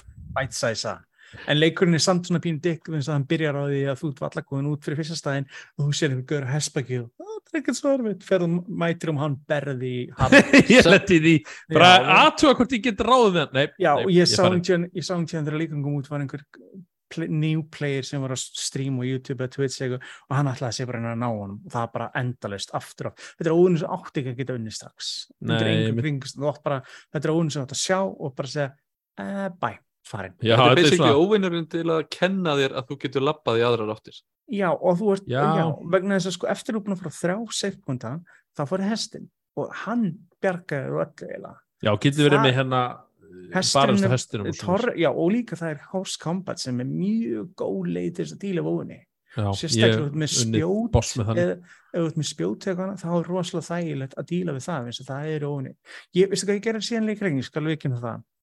Það er, ég viss um stað í leiknum, setna mér sem er nálat helvítstanum sem ég, það var komið rúlandi bolti niður hæðina, spánaði úr engu og ef ég var nógu snöggur að hoppa undan honum þá datta niður og draf fullt af liði og gaf mér pening. Síðan þurfti ég bara að fara tilbaka bonfærin, resetta og gera aftur og aftur og aftur. Og ég mókaði einn sól þannig og ég levelaði mig upp í 20 level svoleiðis. Tók hún á klukktíma en þetta, þetta er hægt já ég, ég, veist, ég voru sum, eftir að gera enda það sko. og fyrir suma er þetta bara helgispjall og voga er að þetta spila ekki leik en ég bara, mér langaði að vera þannig að ég geti lifað aðeins lengur af þess að þetta Já. er úslega frústið ég vil vanalega í svona leikjum vera aðeins sterkari á nónu þannig ég eigi mér svona sens Akkurat og þá beiti ég öllu bellibröðum bókinn til þess sem ég mjögulega Mhm. geta. En hérna, ég, við getum tala endalast um hennar leik. Og uh, ég er að segja og bara ég segi, þetta verður einn af leikjum ársins. Já, og ekki- ég, ekki ég leikur spái, og ég segi, ég spái þetta, þessi og eini ein- minnst ég hinga til er eini leikurinn sem ég held að geta ógnaðanum er God of War. Algjörlega. Sko, ég er að Um, vera smeg, smeykur að byrja á þessum leikum, minnst einhvern veginn eftir þetta samtala var ég bara einhvern veginn ennþá smekari, þannig að ég veit ekki hvað. Ég, en sko, ef þú ert ekki fyrir sólsleikina og, og eitthvað sliðis og, og, og Kíktu Nei, þetta er samt svona, ég verða að prófa. Þetta er, Já, ég, ég, ég vibe, myndi ég verð að verða mæla að prófa með einhvers afslætti einhvern tíman Já. ef, Já, ef, ég, ef, sko, þetta er eins og bara. að pröfa eins og, þú veist, Bloodborne, Dark Souls 3, þetta eru- þeir eru líka fínir upp á að testa, eins og grundallar konseptin í þessu leikjum er til staða þar. nákvæmlega Mhm. Þannig, og þeir eru svona fín entry point. við eigum já, við eigum eflust eða við eigum poffið Og- þetta að tala meir um Og við náum sérfrængum okkar og gaggrindanum okkar í þátt, þá Já. gaman að heyra hans skoðanir og akkurat. ég veit að hann og Sonar spilaði mikið einmitt leikinn hann er alltaf með, hann er með Það er stráki sinn, það er og svinn það er einmitt mjög það gaman er svinn Heyrðu, það er einmitt það sama að tröst, tröstafinni mínum hann Mm. og sonur hann spila líka og þeir láta mann lítið út eins og einhvern hobbyista sko. Ma, maður er bara akkurat. Skammar að vera með hérna yngri sem er svona 20 ára yngri menn allavega þrá- 30 og Þeir eru með- en það þeir- þjálfað það fyrir mig. sem er með, viðbrun og reyni, ég get svarað það Heyrðu, hérna, þetta var kannski meira svona veist, fyrsta upplöðu mín af eldir ringum bræði, við, getum tala endalast um að leik. Ég er búin að vera að vonast útrá lengi eftir þú testar einhvern sólsleik Já, ég er búin að vera, ég- er að vera anslægi kommenta við þig að Ég er Það búin er að spila Bloodborne, gafst upp, ég er búin að spila Demon's Souls 1, ég gafst upp og ég er búin að spila Demon's Souls og svona. Dark Souls 1 á Switch, ég gafst upp það er líka hræðil útgáfa. Já, ég sammála aldrei, aldrei, aldrei mæla með að spila þá útgáfu. Ég ætla mér, ég ætla mér að klára þennan. Það er bara hvernig sem við hvernig ég hef fulla, hef fulla trúið að geta það það er vegna, takk fyrir það, þú er gleitnum það. Nei, vegna þess að með hvernig þú spilar allt sem- sko, ég segja alltaf ef að ég gætt klára þessi leiki og ég hef hatað þessi leiki mörg, mörg ég hef, ég hef gengið gegnum allt litrúðu tilfinningum Akkurat. þessi leiki og ef ég gætt klára einhvern af þeim þá getur allir. Að ég- Það er drifkraftur minn, er Sveit gata, þá get ég það. Það sem ég segi, ef ég get alpast í gegnum þetta helviti Nei, nei. þá ætti þú ekki verið neina vandram og ég Yes, býst bara já. eftir sko þegar voru konið hans lengur þá býst ég alveg við söguna þegar hann segi á ég fór ekki um þannig að bósa og var ekkert nál og ég segi þér alltaf með söguna þegar ég bara stíðan 30 sinnum. Sko ég segi það er ákveðin eldreis í leiknum. Já, ég held á tímbili, ég myndi aldrei hann og þessi fræga gella sem hann sólagurinn fór, já, ég er búin að sjá hana. Já þeir þeir tveir bossar holy but Jesus. Já, að sko síðan stundum gerir leikurinn eins og aðleikin gerir stundum að læta þið fá boss og síðan annan boss. Oh, koma, hver ekki það? Og það er að endaka það aftur er alltaf nákvæmlega. En hérna, já, eins og segi aftur, við tökum þennan fyrir bara svona, já, þegar langt um lið eða ekki langt um lið sem maður frekar. Uh, það er búin mikið að gera svona síkastið og, og það, sem er gott mál uh, það er að segja, það er alltaf eitthvað Steam, Steam Summer útsalan var að enda fyrir stuttu. Nákvæmlega mist á henni Playstation Nei. er með einhverja uh, Playstation er með uh, júliútsölu, Xbox var með fyrir stuttu síðan. Akkúrat. en það er eitthvað svona mitt fínt það er eitthvað döfinni hérna að mann að hérna pikka upp leiki fyrir minni pening svona til þess að stytta þessi stundir. Akkurat, og hérna og bara minnaði á hérna, einmitt það er útsulur bæðið hér og var að byrja hérna í gemstöðinni, það er útsulur þar og það er að kaupa alls konar varning. Þó bara leikja tengdi að nördalega vörur er varning ekki að segja það, maður að geta föt. Föt, það er að segja bóli hana Ég bara að köpa fígur þetta konur nákvæmlega. Er eitthvað meira ósagt Bjarki með eldur ring og annað Það held ég ekki, ég er bara í andlegu sjokki og bara jafna með þetta eftir þetta samtala ekkert hérna sko. Við mætum bara með einhvern leik til hans styrka og Ef þið eru ekki fyrir sólsleikina þá enna, og hafið ekki verið að fjöla yngi til ég, ég, ég skulle ekki endilega gefa eldur ring kí- sjens Kíkið á YouTube og sjáuð hvað þið vona. Já, annars vitið alltaf. Já, annars vitið alltaf af þessum hérna, Grow Song for the Evertree eða þurfið svona aðeins að detoxa frá þessu stressi sko. nákvæmlega Herri, já, ég held ég höfum þetta ekki lengri í dag. Þetta er búið að vera an, já, frekar ring umræð sem ég hana fíla. Hey. og vonandi hlustendur Mikið. bara hana, já, hafið gaman að þessu. Um, vissulega, þetta var svona vita mála þetta eldur ring var alltaf að tekja fyrir. Og það er uh, risapakki. Við höfum komað að því setna aftur þegar ég er komið lengra en hérna, ég er ekkert annað að segja bara takk fyrir mig 40. öðrum uh, þætti hann gæti þetta. Þetta gæti svara við öllu spurningum þið finnir það í Mhm. þessum þætti Nei, nei, heyrðu, bara takk fyrir mig Takk fyrir mig. Já, bless bless